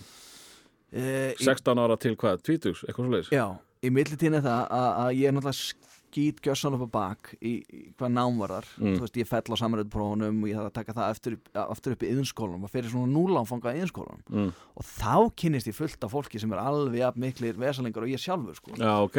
Hérna, áfanga fólki þá já, núlánfanga fólkið og bara yðinskólinn var ekki paradís fyrir fólk eins og mig, þú veist, það var allir einhvern veginn allir velkomnir skilur, þú veist, þarna voru trassar landsins, sko, þeir sem hefur tekið fall í, í, hérna, í grunnskólanum voru settir þarna. Og þarna kynst maður alls konar fólki, þarna var að kynnast meira mannsónliði, e, fleirum þungar okkur um líka eitthvað svona þú veist, sem voru kannski ekki alveg á beinubrautinni skilur, Mm. maður var svolítið að, að, að, það var svona heitlað mann líka, sko. Og, og bara alls konar eignaðist svona góðan kjarna af vinum sem að aðri myndi líta á sem lúsera sko. Eins og þú talar um þetta þá virðist vera að þú hefur eignast mikið á svona eh, innan gæsalappa hættulegum vinnum ekkit vondu fólki skilur Nei. en það var ímislegt prófa og bralla sko. Og þetta var spennandi fólk já Mm. og, og þú veist, ég held að við höfum einhvern veginn svona átt að samilegt öll sko að bera enga vinningu fyrir sjálfum okkur sko. mm. og það hefur svolítið, og vantilega öðrum þá í leiðinni mm, ég kannski meiri vinningu fyrir öðrum sko. Ok, en þú veist, allt svona þú veist, ég ætla að spjalda sjókispilum uh, þú veist, allt í einu mm. það var ekkert mál sko fattar uh, þú veist bara svo ég tek dæmi sko. Uh, þannig að já, þá, þá, þá kynntist maður því svona þú veist, þá var maður komin svona í alvöru þú veist, under the bridge feeling sko. Já. þú veist, Polly wants a cracker sko, þú veist, Nirvana og allt þetta dót sko, Já, þá var maður komin svolítið í það. Uh, þarna sko í, í gegnum þennan hóp þá stopnum við hljómsveit ég og Aggi í Lights on the Highway mm. uh, sem að hérna en fluttur til, uh, hann býr í Seattle í dag uh, já, þá semst, hitti ég hann og Ragga, Annaga í partíi þetta er garbaðingar, Já. hitti þá í partíi á Mjölusholti sem var í ykkur æfingúsnaði á ykkur hljómsveit sem mann ekki alveg hvað hljómsveit var og það, við ákveðum að stopna hljómsveit saman því við vorum bara eiginlega eins og hérna og þá máttur okkur trommara og ég segi að bróði minn er geggjaði trommari og hann er að koma hérna veist, uh, veist, hann er að koma í bæinn og allt þetta og, og já, þetta er svona fyrsta skipti sem maður hefur trú á sér að maður getur hugsanlega gert eitthvað annað en að býða þetta að dreipast sko. Já, nú, nú ertu svona, þetta er svona fyrsta vinning momentið þitt, hérna í, fyrir sunnan. Já, ég myndi segja það Já. og En, en eh, þú hefur ekkert komið, komið inn á það, kunnur eitthvað á hljóðfæri? nei, Nei. e, það var algjör dögkatri ég, sko, Þröstur sko kendi mér á gítar sko, bassahandurinn sko. Og hann, þú veist, kendi mér raunin bara þerkirbið sko. Já, og, og fyrsta lægi sem ég læri er eitt nirvanalag sem hann kenni mér og ég, na, ég er með einhvern ramaskítar og spila þetta bara hátt og þetta hljómar alveg held vel þegar maður spila líka græðin lægi sjálft hátt með þannig að fannst ég vera alveg þokkalegur og ætti alveg að geta stóran band sko. já, og búin að hlusta mikið á Sonic Youth. já, já, ég er búin að hlusta á eða mitt og lið sem að svona, þú veist, gerði bara eitthvað bölvaða steipa á gítarna og koma ákveðl út sko. og ég náttúrulega talið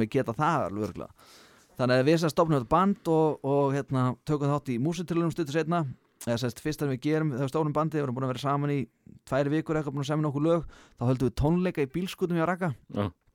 og sem voru svona uh, já, voru eiginlega svona þú veist, þarna var öru tímamót sko. Nú, kom fullt af fólki á tónleikana.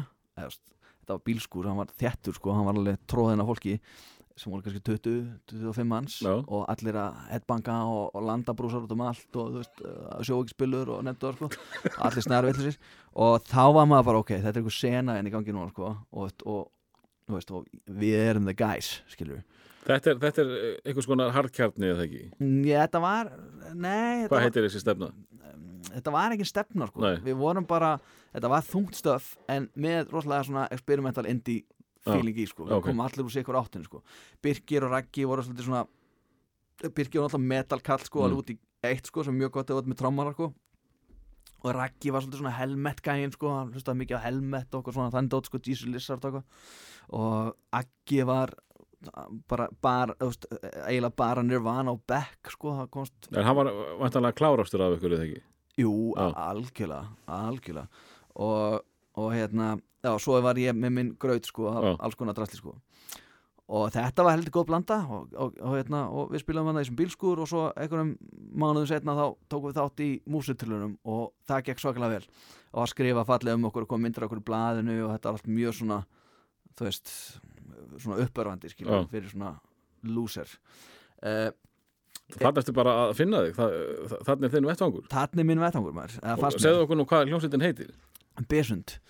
og við sem Náðu sagt- ekki öðru sæti? í- Jú, við náðum öðru seti og Já. það var allt vittlust út af því að það var, og það var svo margir haffringar í salnum var, tal, var okkur sagt sko. Já. þess vegna unnum við ekki í dómnendin fastið bestir og þetta er eitthvað sem alla, alla hljóðstir í öðru seti heyra örugla skilur Já. og Steiner vann eh, Magnús Leifur og Otto Snær og, fleiri snillingar og hérna og voru bara heldur flotti sko Mm. og, og hérna þeir unnu þetta og við lendum í öðru seti en þarna samt sem áfengu að við kenningu og velun og kom myndir eitthvað blöðun og svona og við urðum eitthvað skilur Já, og fengum stúdíotíma og hana og, Já, já. og, hérna, og vorum alltaf að spila tónleikum og, og vorum teknir inn í að spila eins og punk tónleikunum í, MH punk 96 spiluðu á punk Mm. 97 spiluðu líka. Og það var æðislegt sko. Og þarna fannst manni maður að vera orðið númer. Og fólk fílaði bandið. Og allt náttúrulega maður komin að spila henni Rosenberg með Q4U og eitthvað svona dót sko. Það var mjög spes sko þannig að þarna var Þa- Þarna var rífandi uppgangur hjá andranum. þarna var uppgangurinn sko. þarna var stuðið sko. þarna stóðum maður á sviði en, en ég man að eina lægið sem ég söng það var eitt lag sem ég söng það var Dinosaur Junior cover Mm. á þessum bílskutónleikum uh, ég gerði það svo aldrei aftur það var mjög erfitt með að nóg erfitt að standa og, og, og hann var puttan á réttum stað á gítarnum sko. og minna ekki þetta stilla gítarinn fyrir mig upp á sviði og svona ég stóð bara eins og illa að gera hlutur sko, hann blokkaði þrengin og stilti sko. En, en uh, sko ég hef nú sé myndir að þessu, þú svín lúkkaðir alveg. já, lúki kom við nefnilega svolítið langt sko. Já, þannig að ég búin að finna eitthvað svona lúk líka sem var basically það, ég fóð með myndir af hérna Thurston Moore og Sonic Youth niður á Hákustastofu og baðum svona klipping sko. það, var, það var eiginlega bara það svo fekk ég hérna, þú veist, kannski lána en eitthvað svona ból með eitthvað babymynd frá eitthvað vinkonu sínu á já, og þá var maður svona komið orðin pínu grænsaður sko, eins og mann verið alveg skýt sama þetta var samt allt út úr bæl sko. út úr bæl sko. En uh, sko, þú ert, þú ert hættur að, í bandinu þegar þú ferð að daðra í útarpið eða hvað? já, þá Hvern, hvernig, sko, hvernig kemur þú inn í útarpið? Þú ert ekki með neina reynslu, uh, af hverju varst þú fyrir valinu? að því að ég var bara hár réttum aður réttum stað sko Já, og, og rosalega óþægilegum stað fannst mér af því að þetta var eitthvað sem ég bjóst aldrei við og þetta var eitthvað sem að þetta var, þetta var svakalegt skref sko. Að þú veist, þarna var ég ekkit þú veist, ég var, þráttur ég hafa verið hljómsveit og svona, mm. þegar ég tók stræt og þá segi ég ekkert góðan daginn, Nei, þú veist, það var ekkert svoleið þú varst sko. ennþá inn í þér bara. Já, já, nákvæmlega og Já. ég sá hérna eitthvað sem var í vandra, get ég aðstofa? Þú veist, það var ekkert svona sko, Nei. ég var ekkert þessi gæði sko. Þá leistu undan og lappar rætt í burtu. Ég bara bakkaði sko, það er bara bara forðaði mér sem fyrst sko. En það var sko að því að þá var ég með sem sagt, það var kærasta mín, hún var mákona hans Tossa á exunu Já, já, og hann vissi það að hún, mákona sín væri með einhverjum vitlising sem að væri mikið að panta plötur frá útlöndum og væri svolítið að kafa djúft í tónlist og mikið í hljómalind og, og allt þetta. Mm. og eins og ég segði á hann þá sýður Rómi hættir á, á, á exinu og færi sér fyrir Rástvö og þannig myndaði skarð og þossa dætti í huga að kærasti mákonu hennar mákonu hans væri tilvalin starfið. Já, og spiður hana bara um þetta bara, var, hann var með sinni bíl hjá henni og þá er karate diskur með hljónstinni karate í, í bílum já, og hann sér ok, þáttan heitir bara karate getur ekki andri verið um eitthvað þátt? Uh, jú, það er ekki að tjekka á honum. Mm. og þegar Þossi ringi sko, ég hafði ekki talað við hann sko, hann var bara hann var náttúrulega geggjaði gæja á þessum tíma flottur bara gaur og matandi ungliðið með músík og, og bara þú veist, minnst Þossi aldrei fá almennilega það kredit sem hann á skilið. Nei, hann, er, hann ól upp á lík, því líka tónlistakynslu því kynnslóðir sko. Já, en svo ringir hann í mig og spyrir að blessa þér, er það sé hann bara fuck. Fuck, fuck, fuck bara svona sko.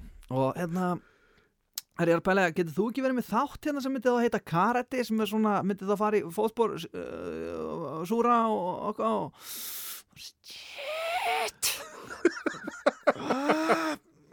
og bara, ég, ég hef örgulega sagt já að því að þú veist, það eru tveistafir, nei er þrý skil það er svona auðvitað að komast út úr samtalinu bara strax. Getur þú ekki, og það er bara núna og, og, sundaginn og, og bara jú, ég mæti. Og bara svo hérna var það bara og ég, ég alveg talaði ég svaf ekki þanga til þetta varð þessi þáttur. Já, ok. Að þetta var, þetta var erfiðasta og bara ríkalegasta lífsreynsla sem ég ætti að fara, ætti, ætti að fara í. Og þetta var svona ég veit ekki þetta er, mér leið eins og að þú veist örgulega maður upplifir sem að ef hann er í flugvél og flugmaðurinn drefst og eitthvað gæði sem er aldrei tekið stýra á flugvél þar að lenda í vélinu sko. það, það er svo tilfengi sem í gennum sko. og það var hrikalega erfitt maður og sérstaklega sko í ljósið þess að ég kem hann með mínar glæsulegu vínilputur Já. og meðan ég er búin að vera andvaka allar þessar sólreininga ára þátturum byrjað þá er ég búin að vera mikið búin að pæla ykkur einasta lægi og uppbyggingin á þættinum og hvernig þetta á að vera hvernig það getur hljó- hljóma cool hvernig getur komið fólki í óvart með ykkur stöfi sem er aldrei heyrt og Mhm. þetta var, alveg- þetta var endalisa pælingar og svo kem ég sætt niður á X uh, sem var þá í aðalstætti þarna í mokkahöllinni ég, ég var aldrei í dúnakóðunum sko, ég heyrði bara sögur af því. Einmitt. Mjög góða sögur, heitlandi sögur. En ég sem sagt mæti þangað og hemmi feiti heitin, hann tekur á móti mér. Já, og á svona að vera gæðin sem heldur í höndinu á mér í gennum það og ég kem inn og bara, wow, hemmi feiti veldi sér á kveiti hann og hemmi er alltaf bara eins super nice Já, niður mitt. skilur og þú veist maður, ég- það hefði ekki geta verið betri maður að taka móti mér sko. Og hann bara, er hérna? Og, hérna, og, herru, þetta er stúdíó hérna, þetta er mækin mm, já, þetta er plötur, já, þetta er plötspilin hann hérna. Og veist, var að sína svo á sleðanum. Og bara ég er svona, er að horfa á mixin og er taking it in Mm. og það er bara svona að klappa öxlunum og herru, ég er bara niðri. Og hann er bara farin út. Og ég bara, þú veist, hvað er niðri? Hvað er niðri, þú veist, maður hvernig það var. Þú veist, þú veist að lappa niður í eitthvað svona móttöku og svo getur farið niður í annan kjallara hann á fínu miðli, þá varst að koma eitthvað bakvein eitthvað svakast og þar, var, það var að tala um þar niður eitthvað Já. það er eitthvað, ég fór ekki tanga sko. nei, nei ég var bara, já, eh, eh, eh, bara svona engin ljósnir í ákvæmslega leita því ég vissi ekki neitt, það var ekki búið að tengja plötuspilaran, það var ekkert eins og átt að vera sko. bara, þe- þessi sleði er plötuspilarin, þessi sleði er gæstlarspilari, þessi sleði er mikrofón mm. og svo bara klukkan að verða og svo byrjað þátturinn og bara svo og ég næði einhvern veginn að kveikja mikrofónum og þetta var svo umulett, þetta var svo erfitt. Og ég náttúrulega geri það sem ég þegar ég lendi vandram, ég fer að rífa kjaft sko. og ég byrja strax, hvað slags ömuli útastu er þetta? Er ekki eins og með plötuspilara og ég næja að klóra með framúrsu og næja að spila geisladisk. Og ég var með sem betur við með svona tveggjadiska mattat og sapdisk sem ég næja að sitta á og spila bara eitthvað lag og ég kem aftur inn og byrja strax aftur að töðum hvað þessi ömuli útastuð þetta var svo erfitt þetta þetta var svo erfitt. En þessi þáttur er til í dag hann er til á, á teipi. Hann er til á teipi? Ég sagði við kæristunum mína á, á þessum tíma að ég myndi drepa hann að myndi hlusta á þinn. Og það Já. myndi engin vita að þess það myndi engin heyra þetta því það var svona auka pressa. En svo þegar við hættum saman þá lætur hún mig hafa spólu sem hún tók upp þáttinn. Take this idiot. Og hefur hlustað á þetta? já ég eins og ekki það. Já, það var, Það var erfitt. það var mjög erfitt. Ég bara satt á ráðan og svitnaði undir höndunum sko. En, en hérna, eh, sko, Þossi hefur ekki hérna gefist upp að þér. Eh, nei Svo fórstu að vera með eitthvað nætvætti til að æfa þig og eitthvað svolítið sem það ekki? Jú, sem- setti mig semst að árni ég tók uh, við svona helgarvöktum mm. þá letum að vera á nóttunni og þá semst eftir sérþættina sem var klukkan eitt á nóttunni þá var ég með þátt til svona fjögur á virkum dögum. Og hann gekk basically bara út af það að ég var að læra á takkana sko. Og læra að hækka og læra að tala og læra að uh, taka síman, skilur mm. sem að ég gerði bara svona þegar hann hrýndi og það var æðislegt að geta að spila óskalög. Og bakararnir voru alltaf ánægð með þetta sem voru að vinna á þessum tíma. Einmitt. Fannst frábært að vera með einhvern allir gæði að tala að hann var alveg glataður sko. og já, og, og þú veist þegar ég segja að læra að tala og svona, þú veist, maður þarf stundum svolítið að þú veist maður þarf að komast út sko fattarðu? Í- Balli Funk kendi mér það að maður ætti að tala alltaf á síðasta, síðasta andadrættinu sko að vera gjörsanlega með tóm lunga á lofti þá hljómaði maður sakalega vel sko. Nú, og það er tækni sem að ég svona pældi aðeins í en var ekki alveg mín. Það er þetta átti með að hann var svo já, okay, þú, þú, kemur ekkert bara inga og segir bara þú veist, það er bara andri hérna, skilji, ég ætla að spila yfir ekki veist, það gengur ekki, þú verður að vera sko alveg, ta tala alveg ofta, alveg gjössalega frá þú, svo opnar um ekki, Chemical Brothers hérna á X-inu 977, þú veist, þá sko þá síðastu dró, það drífaði svolítið og eh, hérna á X-inu, þessi bara svona fuck, ég get þetta aldrei sko. Nei, En- ég hef ekki alveg náð þessari tekni Nei, en, en ég hérna e, e, e, og þú veist, þetta er líka sem að ball er í sérflokki með þetta. Ég held að sé enginn að nota þetta nema hann. Nei, og gera það vel. Gera mjög vel, gera vel. En, en, en svo hérna einhvern veginn já, var ég þess að með þess helgavættir og það gekk bara svona basic, bara Mm. gæi um helgar að spila lög og segja hvað næstalega heiti. En alltaf maður ræður engu hver lögin eru maður Þarna var búið að breyta þessi rockstöðu það þannig var það orðin einhver playlisti og Já. maður bara spilaði það sem kom upp. Eina sem þetta gera var hækka og lækka mikrofón og segja hvað lagi hétt Mm. og, og veist hvað klukkan væri eða eitthvað svo eða ég man eins og að, að Þossi kom með uh, heimaverkinu fyrir alla öxunni sem var að koma með 50 kynningar yfir eitt lag, mismöndi kynningar. Hann rak mig fyrir að fara í getur playlistar sko. Já, einmitt, ég var mikið tekin inn á, á teppið mitt, það var hérna uh, ég gat ekki fyrir mitt litla líf lifa með því að vera Andri Karate og vera að spila Creed og vera Andri Karate og vera að spila Lifehouse Nei. Og meiri þess að vera Andri Karate og spila Rammstein ég Nei. gat það ekki. Og þarna voru vini mínir að hlusta á daginn, fólk Mm. var vakandi og svona. Þannig að það ég, það, það gat ég ekki og það, ég var Þú mikið hefur prinsip. Já, ég hef prinsip og ég var mikið skammað fyrir það og, og þetta var alltaf veist, með, alltaf fekk sumtökuna þú veist, að búa veist, tölvan sig upp svona upp að hafa ákveð flow þetta er Mm. ákveð lína sem er í gangi þarna og þú átt ekki að koma að kippa út einhverjum kuppum úr þessu búðarspilur, það, það bara virkar ekki þannig eh, og þannig verður einn útaskarði til hjá mér að því að þegar ég er fenginn sko á daginn Mm. á exinu til að vera hérna mm, leysa zombie af Dr. Gunnar og Sigurðan Kjartarsson sem voru það frí e, þá er ég beðin um að vera á daginn og ég, hvað ég að gera þá bara spilaði bara músík og um að þú sér eitthvað frétt eða eitthvað og kíkta á það og getur sagt frá okkur skemmtilegu þetta er eitthvað mm. en þú veist, engin pressa. En þá ertu að koma inn í útarspið bara full time eða hvað já, Já, eða svona mest sem að ég hef þetta er svona mesta breyki sem ég fekk sko. Já. það er að vera þarna fjóra daga á dag. Nei, fjóra tíma á dag já, síðan í loftinu sko. Uh, og þá verður góður á dýr. og ég Þú, þú vilt ekki hérna tapa kúlunu Ég- Andri Karati er ekki að fara að spila Ramstein á hverjum Nei, hann er ekki að að gera það. Hann er heldur ekki að fara að missa vinnu Hann er ekki að fara aftur í eitthvað eðlega vinnu Þannig að ég er búin að vera mikið ógæslega vinnum og ömulega vinnum. Þannig að Andri Kardi tekur á það á að breyta um nafn. Heita annað en Andri á þessum tímum sem ég er loft um daginn. Já, og þá, ég heit um það Andri Freyr og þannig að ég hétt Freysi. Já, og, og, og í leiðinni þá reyni ég svona aðeins að breyta um stíl í loftinu skilu, þú veist, ég tala þú veist, meðan að Andri Kardi var bara hérna sko, næsta leið hljóðast quick space. Og þetta er á annar plötu sveitarinnar sem að og merki. komur út nýverið á, á vegum Domino Records útgáðunar og eitthvað svona. Og þá freysi meira bara þú veist, að mættir það nægst 977 og, og þú veist, talaði, hann, ég talaði herra og sem Eh. gaf mér strax, ég fatt að leiði að fara að tala herra þá með miklu örugari skilju. Eh, Hvað hérna, verandi þessi gaur svolítið mikið inn í sér já, það hlýtur að hafa verið gífulegt skref fyrir þig að fara að varstu strax svona svakalegu freysi eða ágerðist hann? ég held ég hefði verið meiri freysi fyrst sko, Já, að þegar ég bara hafa ákveðin bara að vera allt annað en andri karate sko. En var ekki erfitt að vera þessi gaur?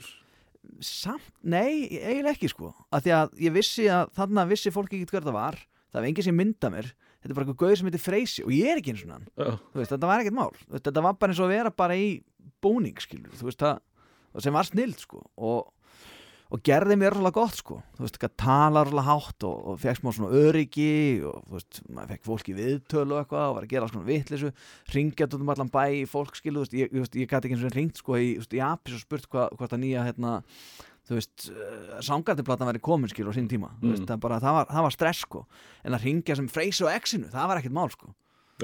Hann bara, hann losaði um eitthvað? Hann losaði heldur betur um eitthvað og, og, og, og, og, og varstu þá í góðra vinna hópi, varstu þá farin að vinna með þinn húmor? Uh, þú ert búin að vera svolítið mikið lokaður inn í sjálfur þér. Uh, en uh, sko spreng klægilugu gaur en varstu varstu að nota það eða, eða já, ég sko, tó- tók samt ekkert eftir sko. En ég menn einu sem sagði þetta vinnum við mig já, ég vissi alltaf að þú myndir veist, gera eitthvað svona úttarp eitthvað svona fannist það sko. já, það? Já, og ég var svona veist, þá, þá kannski hef ég verið pínus niður en þú veist, það var svona veist, að því að maður kynntist sko eftir að maður fór þetta band á sín tíma, þá kynntist maður fullt af fólki og kynntist fleirum í eitthvað svona tónlistarsinu og eins og kynntist hérna þú veist mínustrákonum skilur sem voru Mm. þá í öðru bandir en, en sem var síðan mínus uh, stutt eftir og uh, við vorum að spila og svona. Og það var náttúrulega allt topp menn sko og, og finnir og skemmtilega strákar og, veist, og, og félagskapurinn kringum þá alla þetta var allt frekar fyndið lið sko. Mm. veist, það var aldrei leiðalegt sko. Og drakstu þetta í því? Já, ég drakk þetta í mig og, og ég meina, þú veist, eins og hljóttin Klink og Muffan og svona, þú veist þetta er allt topp menn og ennþá miklu vinni minn í dag og veist, það var ógeðslega gaman í partíum og allir voru að keppast við að vera ógeðslega fyndir mm. þannig að, já, og það er náttúrulega kom svona ákveðin húmor sko. Uh, Freysi hann skúpaði líkfundamálinu já, með uh, Seljan sem að þá var að skrifa fyrir hvað? Já, það var mjög skrítið og, og ég veit að núna er verið að gera uh, mynd um þetta mál og. Ari Alexander er að gera mynd um þetta mál og þarna, voru, va- þarna var einhver flippari e, má segja á exunu spilandi rockmusík Helgi var Georg er það ekki sem að Goggi, kom stundum inn jú. já, Goggi og að hvað var aftur hans hlutverk var bara, bara fíblast á mótið það Goggi var sko, hann var náttúrulega, Helgi var að skrifa fyrir austuglugan á Reyðafri bjóði blokkinu á Reyðafri Já. það var ekkert svaklega mikið að gera hjá hann sko. það var að koma ein og ein frétt og skrifa og svo var bara basically var hann að leika eitthvað lið sem að- var ekki til sem var í þættinu með mér sko. Já. Bubbi Jóns og okkur vilaðar sko. Og Mánuða veist, Helgi var alltaf skitandi í beinni sko. Það var dagskulið sem heit Mánuða skitan sem að fólk gæti hringt inn í beina útsending og kúka. Já, og ef það var ekki hringt, þá hringdi Helgi. Já, og þú veist, ef það liði okkur ákveðin tími, þá hringir Helgi. Jú, blessaður. Er það Mánuða skitan? Eitthvað svona, já, hver er maðurinn? "Eh, Jóhannes Jæja, þá læti ég gosa. Og svo beðið maður sko og svo blúps, blúps og skeitan sko. Gott út af æðislegt, þetta var gríðalega vinsælt sko. Menn, þetta, var, þetta er náttúrulega ógeðslega fyndi Já, og náttúrulega það, þetta eru rock hlustendur. Ég er nokkuð sem að, Já. að, að aðrir já, hópar já, já væru ekki jafnsefnir að þessu Nei, nei, nei, nei, en svo voru menn að ringja þetta með hörku skýtur sko, alvöru skýtur sko. Alvöru skítur? Já, já, Já. alveg hörku skýtur sko. og svo var Helgi, hann var líka að leika karakter sem að hétt uh, Bubbi Jóns sem var góður sem að uh, saði ekkert nema að væri í, í, úr bubbalegi það væri sko eitthvað lína úr bubbalegi það var allt sko, ef maður spurði hann eitthvað þá var það, já, en við hann killátt kvöld í fjörinu kvöld og svona, þú veist já, þessi fallegi dagur maður hann, og þú veist, það, Já, var ok. allt hann var geggju típa sko. Og svo var hann bara hinur og þessi sko. Svo kemur þetta líkvöndamál og þá er hann uh, byrju, það bara fyrir beint í síman eða ekki? það fer bara beint í freysa á exun sko. Já, og það var hérna það var sko það var á nýrkustæða Já, og það var, það, það var þetta orðið svolítið úlfur úlfur hjá okkur sko, Já. hjá freysanum sko. Það trúði honum ekki okkur maður sko. Einmitt, og skiljanlega og sérstaklega hann í, í húsinu sko þegar það vissi allir hvað djúðs vilsingur það væri og kvartanir og eitthvað svona dót. þannig ástu líka búin að búa til einhverjar uh, vafasamar kjæftasögur um hinn og þessa. Já, nákvæmlega og það líka og, og var að gera svona hluti sem að veist, ég þetta skrifa undir afsökunarbrif og svona dótari sem var Já. ekkert sveglega, þú veist, eitthvað sem var ekkert greiða stoltur af en þú veist, það var bara engar hömlur sko. Þannig að Helgi ringir mig og segir bara, herri, þú væri að setja mig beina þú veist, það var að finnast lík hérna í höfninu neskustad og bara, já, fuck auðvitað, beint í beina og hann segir frá þessu, já, það er lík hérna og, og, og, og kafari og pakkaði inn í plast og eitthvað svona og fór svolítið í dítalina sko. Og þegar þetta er búið þá hleyp ég beint inn í reikkompuna þarna í, í, í Lincolnsi og það er náttúrulega allt fólki sko, frettamennir eru þar og Þorgir Ástálsson er þar og ég er að segja fólki að þetta sé í gangi. Fyrst fer ég, e, e, sko, Kvati sem er núna með vinsaldaristan, hann Já. var að vinna þarna á, Norrlísvonars tíma hann var eitthvað í frettunum og hann er fyrsti maður sem ég í og ég bara, það er fyrsti maður sem ég sé ég bara, hei bara frettunar eftir, það er lík í höfninu neskustað, vafinn í plast og hann bara já, já, einmitt ég bara í alvörunni, já, einmitt fyrir þessi minni, já, einmitt. Hann bara svona, ég er ekki að fara að kaupa þetta, veist, ekki að ræða. Já, og ég beint inn í smók og, hei, það var lík í hérna, já, einmitt, já, já. Góður. mm, mm, ja, flott já þér, já, já, einmitt. Og þeir, þetta kemur ekkit um þetta í næsta fréttatíma sko. Nú er það að- ekki? Og ég bara, hvað er það að pæla, það er, það er. Og svo kemur hann alltaf í, þar næsta fréttatíma. Þannig að freysin já, en ég veit að þetta kemur ekki fram í þessari mynd sem var að búa til. A- að þið hafið skúpað? Já, ég var að mynda að spyrja eitt sem var að vinna þar og hann bara er eiginlega búið að taka af þetta þessu og hann var ekkert minnst á það. Já, Já, það er svolítið magna já það er fyrir fúlt sko. Já, en, en eh, sko frá freysanum uh, þá ferði hvað? Frá, Og þarna, þarna ertu búin að opna og þarna ertu farin að halda einhver skemmt í kvöld þarna ertu að koma fram í fyrsta skipti þarna ertu með gullkind og ertu Já. með eitthvað þarna, eitthvað stuð. Já, það gullkindi kemur setna en þarna sko fyrsta sem að, að skemmti kvöldum sko freysa eitthvað, veist, það var kvöldvaka freysa Já, sem að voru svolítið skrýtnar kvöldvöku Já, en áðurna kvöldvakan er þá fæ ég smá skóla sko, ég fer til Njarvíkur, ég fengi til að vera veistlistjóri þar Mm. á vegum fjölbættaskóla Suðanisa og það var algjört disaster. Og bara fyrir þá sem er að hlusta og voru þar, þá byrst ég bara innlega afsökunar á hefðun minni þar og, og, og kvöld, kvöldinu sem þið átti í vendum sko. Því að það átti það engin skilið sko. Og það var bara, það var alveg ömurlegt. Og ég fer þarna með stjánavinnu stuð, mm. Mm. því að hann var svolítið mikið kringum fyrir þessum tíma, sérstaklega mándum hann var í frívætt á rúmvættalega á mándum og kom átt hérna í þáttin til mín og með Sofíu sína og það var veist, við vorum orðin pínur svona bara tríó hérna, mándastríó Já, uh, en hann fer með mér í þetta því að hann, hann langaði líka að skemmta svona vera veislustýra og eitthvað svona og að kynna, mm. það var það sem við heldum að varum að gera. Við heldum að varum að vera að vera kynnar og við komum hann upp til og, og svona þegar ekki langar sögur stötta þá förum við þetta kvöldinni áður. Við kom, gerum dagavilt, þannig að við förum kvöldinni áður upp til konur upp að stapa og býðum hann rauðan byrju hvað, gengum við inn bara bakvið, bara opið það, já, nei Þetta er á morgun sko, já, ég myndi, já, ok, aftur í bæinn, en svo komum við þarna kvöldið eftir og við vorum með eitt atrið, það var, það var að gera hérna uh, Walk This Way með Aerosmith, uh, Stjáni og, og átti, var með sér útgáð því lagi sem hann var búin að gera íslenska texta, hann var alveg geggjuð. Og Búi var með mér, Búi Mm. Benz, að hann var alltaf kunni gýra á þessum tíma. Já, og við förum hann upp til og við heldum semst við höfum að fara að kynnar en við ætlum að opna hátíðina svona glæslega gefa hann smá bónus og gera eitt lag og dansa og tjúta við og, og, og, hérna, og stjánu syngur og þetta verður bara gegja og freysi með grímu þegar mátti engi vita hver ég var. Uh, kom alltaf fram með grímu hvort sem er verið sjómasviðtölum eða blaðviðtölum eða, eða á svona viðbrum og svo semst þegar við erum búin að taka þetta frábæra lag þá löpum við á sviðinu og ég fer að akkur með, í hérna, þessu nefndafélagi og spyr og, og hvað er næst?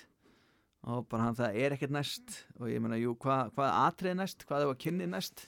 En það eru bara þið.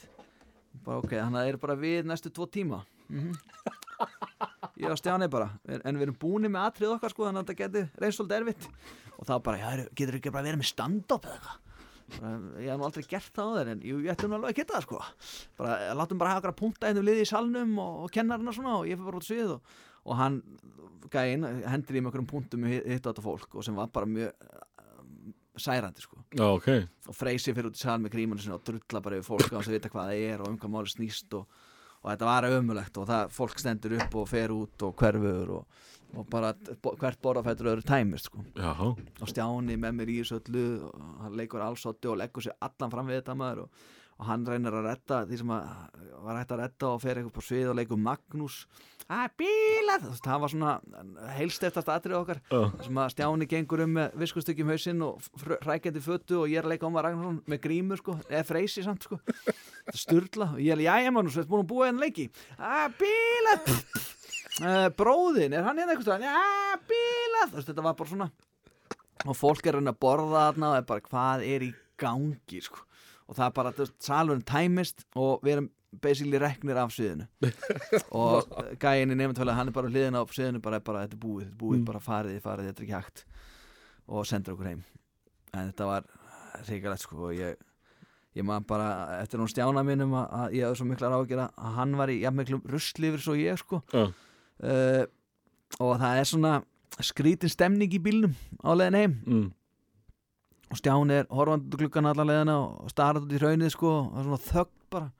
Og þá hann segir Freysi ég held að ég held að þetta er að spyrjast út.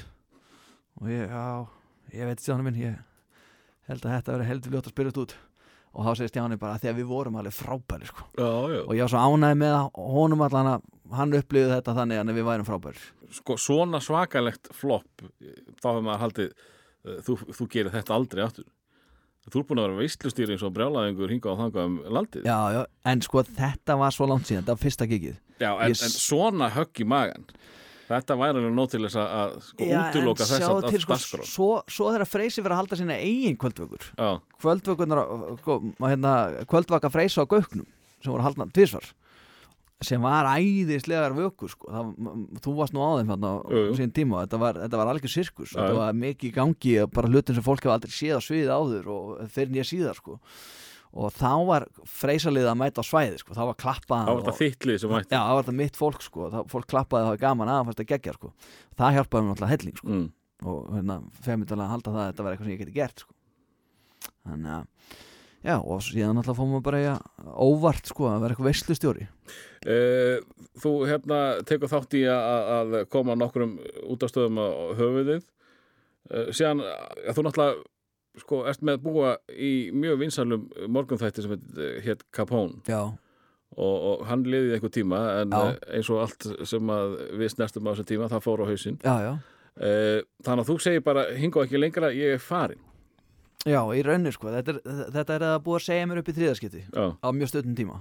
Þá svona, já, já, að kannski bara komið tíma okkar nýtt. Mm. Uh, og ég sel, átti þannig íbúð og sel hana og flytt eiginlega bara til Danmörkur bara, og það er bara kortir í hrun sko. Já, og þá flytti Köpen og kemur fyrir þar með, þá var þetta maka og býð þar í þrjú ár. Og ég ætla ekki að fara að ljúga því eitthvað og finn mig upp á nýtt Nei. eitthvað svona kjaftaði sko, það var ekki þannig. Ég bara fara að vinna þarna og allt í henni verið komið fullt af vinnum og þú ringir í mig og uh, með hugmyndum að gera þátt sem er á milli landa. Mm og þá fættist þann litla hafmeðan sem var nú með digga en takmarkaða hlustun. -hmm. um, og þá var maður svona back in the game sko. Þegar að þú stingur af þá er já, Andri svolítið litaður af því að vera kannski uh, freysin uh, þegar þú kemur aftur hingað á rúf þá ertu eiginlega að hefja nýtt líf Já, og þar ferð þú að l- sko, svona, reyna við fjöldan ekki bara þitt krát. Já nákvæmlega. Hvern, hvernig var það fyrir þig að, að vera ekki sko, Andri Karati alveg farinn Já, freysin uh, á útleið já, og núna bara vera hérna, maður fólksins? Sko Biggi Maus, hann drepur Freysan það er hann, sko, Freysin var alltaf með grímur mm. Hann var alltaf með grímu og hann var alltaf, kom aldrei fram með öðru svona engin myndi þekkjan, þegar voru auðlýsingar eins og þegar Exio með svona bíósýningar það var svona auðlýsingar hlýja útastmönnum og þá fór ég alltaf ugly.com, uglypeople.com Já. og fann eitthvað mynda okkur um gaur og það var stóð Freys og Exinu og það var eitthvað svona frík á skjánum sko. uh, en svo Biggi fyrir að vinna hjá hérna, fréttablaðinu og hann skrifa grein, þetta er Freysi á Exinu og það var bara mynda af mér sko, með gítar sko. og hérna og ég var alltaf rosalega sár og ringi bygga og hvað er þetta að gera? Og hann bara ég bara vinna vinnu mína. Bara ok. Og segja þetta skilur þetta er alltaf góður sko. Er, er það? nei, nei, ég var En Nei, nú hundfúll skulum, aðeins staldra við vegna þess að ég var hundfúll. Það, það, það er gott að Biggi Maus hafi drepið Freysa. Vegna þess að þú fórst náttúrulega í bullandi samkeppni við Maus sem gítarleikari botliði Já. sem verður eiginlega að koma hérna fram þó Já. að að hlaupa fram Já, hjá já. okkur hvern, það- hvern, bara, sko, ég verða eiginlega að fá hvernig kom það til? Þá ertu orðin freysi, er það ekki? Þú ert allan að erst útarsmaður, ertu bara aldrei Nei, þetta er áður en þannig er ég bara andri karat sko. En sko það kemur náttúrulega til eins og sagði Rán, ég kann- kunni ekki að spila en lúkaði og það var ástæðan fyrir að þeir fengum í bandi sko. Og þeim vantaði lúkið Já, þetta er bara vanhugsað hjá þeim að þeir fengum í bandi, það var ólítil tími þeir voru að fara túr og Mm. þeir trúðu því bara ég kynna að spila Mm. en komum svo á því bara á fyrstu tónleikunum að ég kynna ekkert að spila og komist eiginlega bara á því fyrstu æfingunni og það var bara of seint að fá okkur annan Mm. þannig að ég læri lögin bara þegar við komum til Bretlands og þá kaupaði svona litla magnar og ég er bara aftur í með heiðar að spila sko. Já, þú, þú fer í túr með þeim erlendis? Já, ég fór oft í útlanda maður. Nú. alltaf með fulla smokkapakka maður og kom alltaf með að fulla heim. Það gekk ekki neitt sko, ég sá þetta fyrir mér hillingum að vera, rockstjarnar með lúkið á hreinu já, og það virkaði ekki heldur? Það virkaði ekki heldur. Þú veist, Ég- ég meina það var hendinga við sáum á hótelum sko, þú veist, þú vorum svo bara í heimahósum og gólfum og þetta var appinu svona þessu sko. En það hérna, já, það en já, ég er ekkert bullandi samkenni kannski að þegar ég man að, að á sínum tíma það lána ég nú maus alla gítarana mína, ég átti flotta gítara. Já, og þeir voru að taka hérna láð mér að falla þínu eira held ég að verið svo plata. Mm, og þá fengum við mína gítarlánaða svona. En já, Biggie dreipur freysa og ég er rosalega fút, rosalega lengi en veist, er það sjálfsögðu ekkert í dag sko. Nei, og skil þetta bara mjög vel í alla staði sko. Þetta er náttúrulega góð frétt fyrir, fyrir sko, yngri lesendur já, Bara auðvitað, Stór frétt. Auðvitað. En, en hérna en það var líka komin tími til að breyta til og svona. Já en jú, það var eins og, eins og segir að fara að glíma við fjöldan, það var svolítið svona annað. Uh, Sko, í millitíðinni þú náttúrulega slærði í gegn þegar þú dettur í það í kastljósi. Já. Þar færðu alveg bara nýtt uh, krát. Mm Þess, Þetta er nú sniður strákur þó, þó sett uh, að keira fullur Já. í, í ykkur svona uh, uh, síni vél. Já, já, uh, en þar ertu náttúrulega Ertu byrjaður að- tala í útarpið á rástöðu á þessum tíma? nei, þetta er bara þetta er rétt á henni flytt til Danmark Þetta er áðurfætt í Danmark já, já, já þannig slæði ég gegn blindfullur í plakati hjá öllum nema afa kannski, Nei, að hann var ekkert svaklega reyðunar nei, en jú, þarna, þarna kem ég mér eiginlega á korti sko.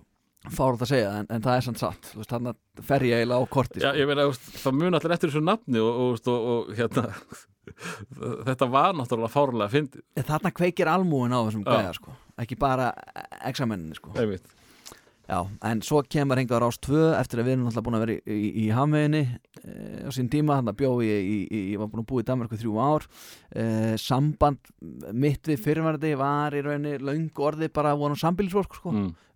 Góði vinir Já. alltaf gaman sko, en þetta var ekkit ástasamband orði lengur sko, þetta vorum bara miklu félaga sem byggu saman sko og, og, og neittust til að sofa saman í rúmi sko. Uh, Svo hérna ringir Sigrún Stefánsið í því og, og, reynir að fá þið bara heim, er það já, ekki þannig? já, hún ringir einmitt annað á þessum tíma Sem var þá dagskastjóri uh, Rásar 1 og 2 og Rúf og Sjónvarpsins, hún var dagskastur alls uh, algjörsteinleikur en hún ringir í mig og ég held að það væri grín af því að þú varst nú búinn að láta hann að gera grín í mér já, þú varst nú búinn að láta hann að gera símaði í mér þannig að ég held að þetta væri svona enn eftir því Hvernig finnst þér þetta að ganga? Bara mjög vel, Og, er, mjög vel. og allt í góðu með ykkur Dotta? Já, já, já, við erum alveg essun okkur eins og maður bara. Hann er svolítið að hvert undan þér? Hann Dotti, Já. nú hvað er hann að segja? Æ, hann svona segir að þú kannski leggir ekki alveg nógu mikið inn í þáttinn. Nú, ok. Finnst þér það réttlátt? Uh, nei, en sko málið er sko Því ég er nú svolítið leið á Dotta, hann kemur og kvartar í hverja mánudegi við þér. já, Þannig að, ég vissi það ekki, ég skilti að hann segið þetta ekki um mig sjálf.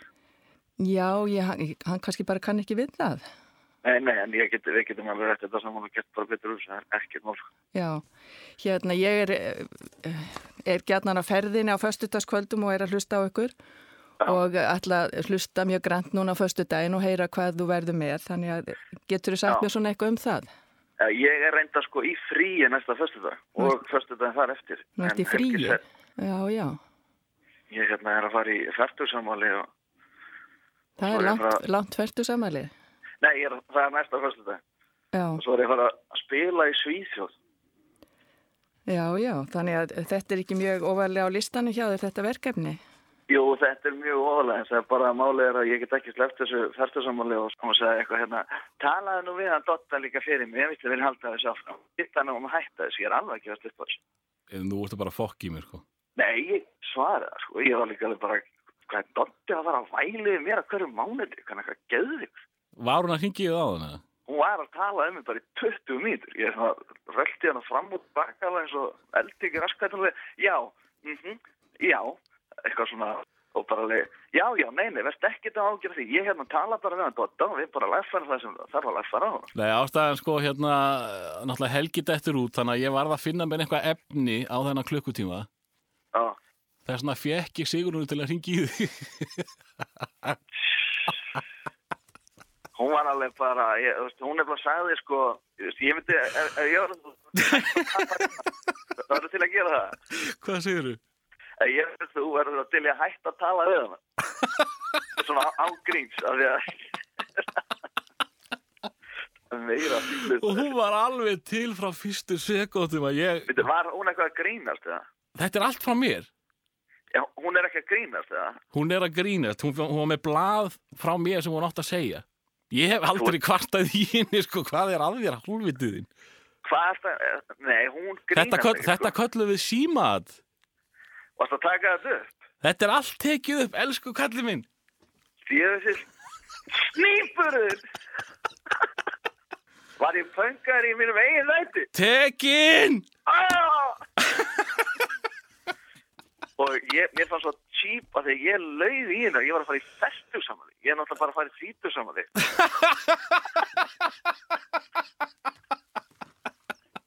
Mér fannst líka svo cheap að segja hérna og svo hitt sko, er ég að fara að DJ hérna.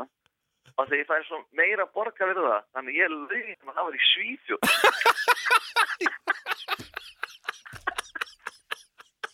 Og hún tekur bara, ertu er, er, er tíundar að spila smá, situru ég með svona tilbúið hérna sem að kannski er svolítið skyttið, þannig að ég mæli mig og tilliði niður. Og svo segir hún bara ert þú tilbúin að koma hinga heim í sumar og ferðast um landið með Ómar Ragnarsin og gera útasinslög bara, hæ? "E, já. Veist, ég er bara að byrja að pakka sko. Já. og svo bara fyrirvændi kemur heim bara þennan dag ég er bara, herri, er ég er að fara heim sko. Annars kemur þú með, þetta er búið? Ok, Mm. þetta er ekki flókið. Og það er bara þannig. Og hérna og ég fer alltaf flyttinga heim uh, og fer að vinna með Ómar Ragnarsinni að gera útasinslög og hann kemur með nafnið Andra á Flandri Já. við gerum lag saman sem heit uh, Ómar og Andri á Flandri og sungum það inn og þetta var svona innslög sem vorum að gera og þá einhvern veginn þú veist, fatta ég hvað er næs að vera þarna rástöður skilju, að geta gert svona hluti er náttúrulega frábært sko, og unnið aðeins svona öðruvísi en maður er alltaf í beitni alltaf Og þarna, þarna líka opnast uh, kannski fyrir þér nýr heimur, það er uh, þjóðin, það er ekki bara ákveðin hópur. Já, og líka sko að fara með ómæri eitthvað út og tala við random lið sko, einhver staðar á einhverjum hestamannamótum eða út í vegakanti Þarna fæðist eiginlega bara sjónvarsmaðurinn Andri á Flandri. já, svona, já, hann fæðist þarna og, og svona þessi almúagæði sko, veist, að, að tala við fólkið í, alvöru fólki í landinu sko, Mhm. þú veist, sem á enga peninga eða þú veist, á jafnleitla peninga og við sko fattarðu, sem eru, sem eru í rauninni fólki í landinu skilur, veist, þessi 99% sko það er svona okkar lið sko Og, og, og e, sko, skömmu síðar uh, ertu bara fengið nýja að búa til skútuna uh, með Gunnudís. Já, Og það, það virkaði fáránlega vel. Það tók smá tíma að það ekki að kikka inn. jú Já, ég myndi segja að við höfum kikkað svolítið fljótt inn sko um, en svona þegar hún flytti út á land þá tók það smá tíma að kikka inn sko já. En ég held að við höfum náðlega þokkalega saman svona mjög fljótlega sko og, Og hún var svona mamman og þú varst vittisingurinn. Og, og það er bara uh, samband sem að svín virkaði. það er eitthvað og fólk hafði mjög gaman að því og, og hérna og bara sem betur ver og, og við náðum vel saman og erum ennþá bestu vinnur og Já. erum ennþá í sambandi og, var ekki ægilega fínt að vinna með henni? Gunna er náttúrulega bara snillingur sko Já, og bara já, eina betri mannski sem maður hefur hitt sko nákvæmlega. og fyndin skemmtileg og bara Hefur allan pakkan? ítla góð sko Já. og klár sko Nákvæmlega. þannig að hún á allt gott kilið sko Við erum að hlaupa á hundavaði hérna í blá lokin sko en uh, uh, sko það það er eitt að vera útdagsmaður það er svona allislaus og, og uh, þú ert bara rödd og það fólk er lítið að pæla í þér já, uh, svo kemur þér í sjónvarpi hvernig, hvernig kemur það til? Var, varst það þú með hugmyndina eða, eða var einhver búinn að pæla í þessari hugmynd með Andra Flandri og Ómari þarna? já sko þetta er nefnilega sniðið sko ég skal reyna að segja þetta mjög hratt og, og, og greinlega en, en hérna það var sérst þannig að, að Kristóf Dignus Mm. sem hefur nú leikstýrt hinn og þessu og er enn að alveg á fullu og, og við erum með það í sambandi svona og hann sko heyrir þegar ég og Gunnar erum saman að byrja þá er ég alltaf farin í bæ með mikrofon Mm. og ég er að taka hérna eins og ég er að fara nýr í sjoppuna drekana þegar ég er með stærsta gós úrval á landinu Mm. til dæmis og þá stendi þær inni og er að lýsa öllu sem er í gangi og bara já, henni er þetta, alveg er stemningin svona líktinni hérna svona bla, bla, og, og, og fór oft út að spjalla eitthvað lið, fór og hitti stöðum að verða að labba með þeim í bæinn og svona, og tók upp svona út af einslög þannig og hann heyrir þetta og hann er bara, "Bíddu, hvað- akkur, akkur er ekki verið að gera þetta í sjónvarpinu? Akkur, þetta, þetta er sjónvarsvinni, ekki í útarsvinni alveg eins og að, Þú þekktir hann ekki þá? Nei, ekki neitt. Nei. Jú, jú, ég reyndar að lí, ég reyndar hefði hitt hann einu sinni og þá sagði hann við mig þá, þegar ég búið með Capone. Þá sagði hann, hefði þið eitthvað áhægt hann að ég verið eitthvað í sjónvarpi? Já, ok. Og svo heyra hann þetta og hann er bara, "Er þetta er áverið sjónvarpi. Alveg svo sumir sjónvarsættir eiga verið útarpi það er bara tveir menn að spjalla saman, það á verið útarp sko. uh, þannig að ha- hann sem sagt uh, sko, hefur sambandið mig með þessa hugmynd að ég fara á ferðalag uh, um landið Mm. á húsbíl og, hérna, og búin þettum það sem er fárið að ég var nýbúin að fara með sömu hugmynd til Sigrunar af því að ég fattaði allt henni, ég var verktæki hérna ég hef aldrei hugsað um það að ég ætti að fá sumafrí Mm. og mér langa að fara að landa að hitta ömmu og pappa. Já, já. Og ég gæti hann alltaf ekkert með að taka launalist frí. Þannig að ég hugsa með mér, ok, ég reynir bara að búa til þátt úr því sem að er bara ég að ferðast um landi, keiri ringin og býtilegur innslög og ég fef með það til Sigrunar og hún bara nei, þetta er góð hugmynd en nei, e- e- ekki, ekki alveg andri minn, það er setna hm, ég veit ekki hvað aldur sért en það er setna og svo, svo hérna uh, ringið Degnus í mig og bara er hitta með hann á kaffhúsi, ég er með smá hugmynd. Og hann segir þetta og ég bara er vinnur, þetta er nákvæmlega ég er að fara með til hann og hún bara vil ekki sjá þetta. Að leiði mér, mér allan að prófa. Mm. og svo fer hann og bara hvort að segja herðu, við erum konum með þátt, við leggjum að stað núna eftir tvo mánuði, bara what? Og þá náða hann að selja þetta þannig að, að, að, að við eigum eiginlega hugmyndan saman og við hefum alltaf, allt sem við hefum gert hefur unnið mjög mikið saman. Að- að- hjálpumst að finna hvað á að vera, hvert á að fara hvað á að gera og svona. Og vorum bara til þess núna um daginn að gera nýja serju Já, sem hefur sínt núna í janúar. Já það, er, eh, það er síðasti flandrin í, í bíl allavega. Þa, Þá ertu uh, sko erlendu fer, ferðamaður á Íslandi Já, þá er ég basically að sjá hvað túristar er að gera þarna. Ég er að elda túrista, ég er að setja mig í, í sko, túristagýrinina á einn landi sko. Ég er að fara á allar þessar staði sem að við í raun og höfum aldrei tekið til að fara á því við hefum hvorki peningan í tíma í að gera það sko. nákvæmlega og þannig að mjög gott fyrir að fólk kemur í stofu að sjá hvað túristan er að gera og hvað, hvað er vá fyrir honum sko. Og hvern, og veist, er, er þetta Ísland, er þetta eitthvað vá? Já, þetta er náttúrulega flottasta landi í heimi sko. Já, Ég sagði að ég á Gíslamartunum daginn hvað fáið ekki mér til lands til að ferða sko. og það var eiginlega grín sko. Uh, ég veit að margir að tekið því illa sko, en þetta er fallegasta land í heimi sko. ég var núna síðast bara á Mývatni og Dimmuborgunum um helgina sko. mm. og bara það svæði eitt og sér bara slæri út allt annað sko. Þetta, þannig að við eigum ótrúlega mikið á geggjum stöðum sko. Uh, og þú er uh, sko, þú er kvart útvarpið að mestu í bíli uh, virki mótnar heyra sögunni til og við vorum aðeins að tala um Átna Súra í upphafi þáttar og þú uh, já, þú ert ekki tekin við honum aftur en þú ert farin að vinna fyrir hann.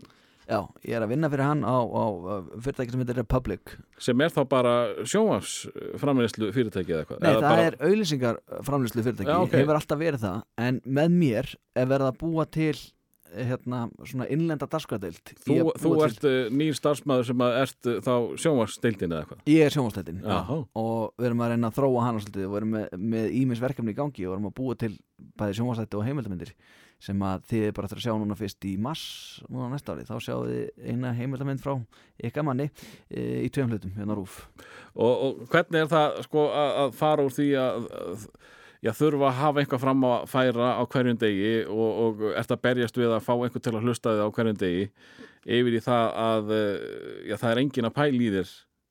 Bara, sko, bara heilt yfir, það er engin að pæla í þér þetta er svolítið svona öðruvísi en þetta er sko þetta er samt, sko maður þarf einhvern veginn á hverjum einasta degi að pæla í því eitthvað sé að pæla í því hvað maður er að gera mm. en þetta er svolítið svona öðruvísi að því að maður er sko með hugmynd í hausnum sem maður að reyna að selja ykkurum eitthvað sem er ekki til Mm. þannig að þú veist, ég er kannski hjá okkur fyrirtæki að reyna að fá styrk fyrir eitthvað verkefni sem er ekki orðið að neinu, skilur og það er pínu trikki, sko. Já, að vera eftir, já, ég er að fara að gera mynd sem ávera svona, hún ávera svo geggjuð af því að hún verður svona og þessi gæði ætla að klippa hana ég ætla að fara í þetta, bla bla bla bla, bla og þetta verður æðislegt, getur ekki átt með að miljón þú veist, það er, það er, það er, það er mjög skrítið, sko.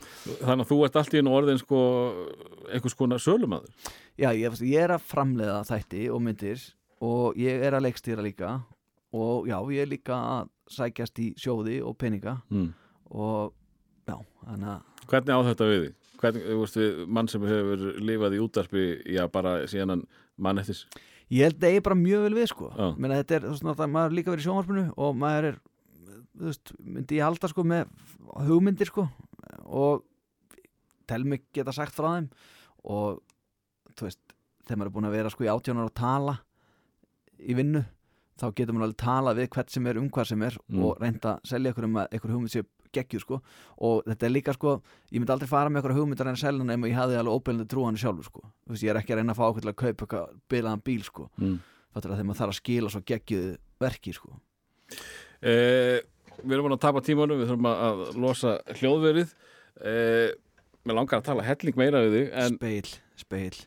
við endum á, á einhverju sem þú ert að hlusta á í dag.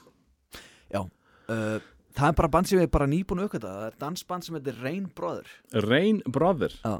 Aldrei heist það? Nei, ekki heldur, fyrir bara um helgina. Ég er bara aukvita um helgina. Og bara greiðalega hrifin þetta er band sem er að fara að gefa út held ég sína fyrstu blötu núna í februar og mæli með, þetta er bara gott danstrokk það er eitthvað að gerast í Danmark sko. Ok. Það er mjög gott.